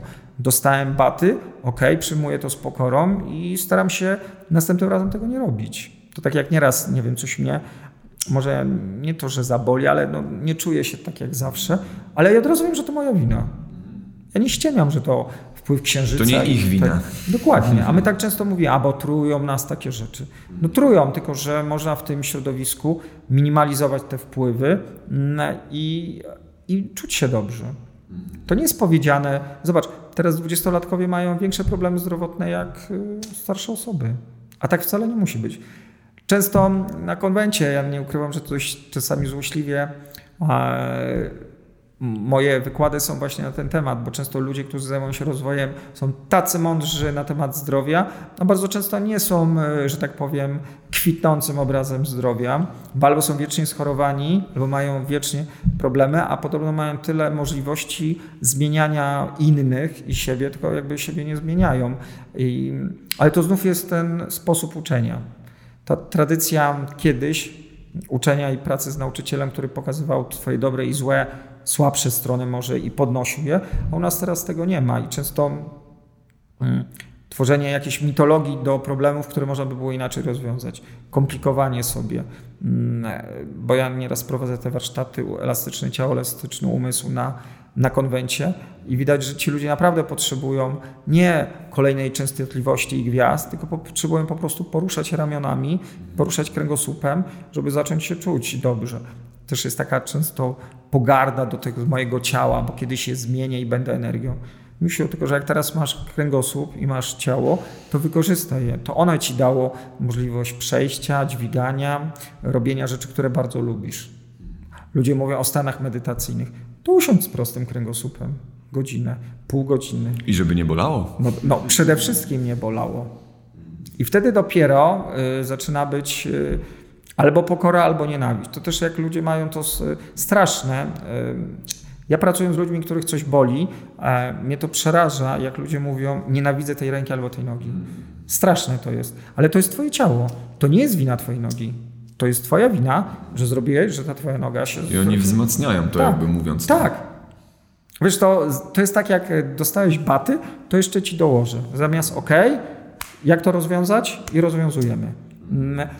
I też tak jest postrzegana choroba u nas, że my chorobę traktujemy jako wroga, jako nienawiść. Może być taki, każdy ma prawo do takich reakcji, tylko żeby potem było to takie, aha, a, bo to nie jest wina kosmitów, tylko moja. Mhm. Tylko to tak jak mówiłem na początku, mówiłem o swoim zmianie y, sposobu odżywiania. Jak sobie uzmysłowisz, że robisz najgorszą rzecz na świecie, to nie chcesz się do tego przyznać. I tak samo jest z nami, że jak nie chcę sobie uświadomić, że ja się popsułem. No ile razy coś zrobiliśmy źle i nie chcę się do tego przyznać. I tak samo tutaj, jak to zrobisz, to dopiero jest punkt wyjścia do, do zmiany. Ok, miałem prawo nie wiedzieć, nie wiedziałem, ale teraz spróbuję się zmienić, spróbuję się o siebie zatroszczyć, coś zrobić. A potem się okazuje, że jest coraz łatwiej, coraz prościej. Wszystkie książki na temat ludzi, którzy wyszli z chorób, to jest dokładnie to samo. Gdzieś o sobie zapomniałem, nie zatroszczyłem się, nie zauważyłem, a z drugiej strony choroba dała mi taką zmianę, że w końcu odkryłem to, co jest dla mnie najfajniejsze, najprzyjemniejsze. Ja nie mówię o, nie wiadomo, tylko ja mówię o przyjemności, bo ja, ja uczę hedonizmu, ale takiego biologicznego hedonizmu. Bo też ludzie często mówią, że jestem ortodoksem, a ja mówię nie. Ja założyłem szkołę, ortodoksja hedonistyczna, połączyłem te dwie rzeczy, no bo tak naprawdę każdy żywy organizm bazuje na przyjemności, tylko żeby to była rzeczywiście zdrowa przyjemność. Ruch, sen, yy, odżywianie, relacje, praca, ruszanie się, takie rzeczy. To tak jak yy, ze spacerami. Ludziom się nie chce iść na spacer, ale już, ja sam się jak wyciągałem kiedyś na spacer. Przeszedłem paręset metrów, wracam, jestem zadowolony. To, że ludzie na przykład y, mają takie problemy i z otyłością, i z aparatem ruchowym, to wynika z tego, że zobacz, no, my cały czas siedzimy, cały czas albo leżymy. Mm, ja na przykład na, na zajęciach z saloniami, z seniorami, oni wiedzą, że oni się nie będą u mnie siedzieć i oczywiście jak ktoś ma jakieś poważne problemy, to czegoś nie zrobi w danym momencie, ale potem się okazuje, że oni są zaskoczeni, że tyle potrafią. Naprawdę, nie przeszkadzanie swojemu ciału, słuchanie go, my się też tego nauczymy, no bo ludzie często, a jak mam zacząć się słuchać? No to nie jest tak, no jak tam tyle jest krzyczenia, to ty tego nie usłyszysz. Ale tym słuchaniem jest, dobra, zrobię sobie talerz czymś zdrowym, pójdę wcześniej spać, wypiję trochę więcej wody, nie wypiję tej kawy, nie zjem tego ciastka, potem się okazuje, że ciało ci mówi, zobacz, ja tak z ciałem rozmawiam. Ja na przykład jestem mega wdzięczny ciału za te doświadczenia, które mam w sensie na przykład elastyczności, nie wiem, sprawności, wytrzymałości, wielu innych rzeczy. Gdyby nie, nie doświadczyłbym sportu, to bym nie wiedział, ile moje cudowne narzędzie potrafi jeszcze zrobić. I, I to jest to. I to jest tak, jak człowiek dostanie taką super zabawkę i zaczynają się tak super bawić. I tak, jeszcze, a mogę jeszcze? A naprawdę mogę jeszcze? I to tak, wiesz, mm, człowiek chce jeszcze więcej, ale dostaje więcej. To nie jest tak, że chce więcej, a nie dostanie. No ale jak nie przeszkadzasz, to dostajesz. To nie znaczy, że człowiek jest wieczny, ale możesz do końca swoich dni być sprawny, do końca swoich dni być zdrowym. Tak samo jak zimą. To nie jest prawda, że zimą musisz chorować. Tam wdrukowano, że tu musisz mieć katar, tu musisz mieć choroby. Załóż czapkę, bo się przeziębisz. Tak, ale też y, cała ta mass media. Pamiętaj, zima, okres tego. Zobacz, koronawirusy, co się teraz już dzieje. Ludzie już boją się paczki z AliExpress kupić. No, no wiesz, no, bo staliśmy się społeczeństwem chorym. Yy, takim bardzo chorym. Yy, my jesteśmy podatni na to straszeniem. Polska chyba należy do czołówki, jeśli chodzi o suplementy i środki przeciwbólowe. Chyba nie wiem, czy nawet nie na świecie. Tyle tego kupujemy. My zapomnieliśmy, że to wszystko tutaj, tylko nie przeszkadza. I zobacz, zima My nie musimy, mnie naprawdę rozwala, jak widzę ludzi, e, jak jest tu 15 stopni, e, najlepiej to jest e, w październiku, tu jest naprawdę ciepło, a ludzie zaczynają rękawiczki, czapki, to jest 15 stopni. To w zimie, której nie ma, w tym roku historycznie w Trójmieście nie było zimy. To co no nie wiem, to trzeba pojechać na Szeszele czy gdzieś. My staliśmy się totalnie osłabieni sami. Tak samo mm, na wiosnę, kiedy mamy niedobory światła po zimie, zakładanie tych szpanerskich wielkich ciemnych okularów, gdzie ty i tak masz mało słońca, dodajesz sobie jeszcze y, brak tego słońca, nie dziw się, że będziesz mieć dobry nastrój. I tak jest wiele rzeczy. Y, zmarznięcie, ja nie mówię, żeby się na kość, ale zmarznięcie też stymuluje twój układ odpornościowy. Tak jak w saunie właśnie, prawda? 100 stopni, a potem dokładnie, dokładnie. się składasz Ale i z też y, to uczycie, że jesteś zaradny no jest zimno, jest zimno. Nie, umieram, jest za zimno, nie mogę żyć w tym. Albo y, nie zjesz teraz. Nie, umieram. To jak nieraz widzę ten... No napawa mnie to trochę za y, no, takim rozbawieniem, jak ludzie strajkują, głodują i po dwóch dniach ich wynoszą na noszach. Z czego? No są, ale to mówię, to takie reakcje narkomańskie.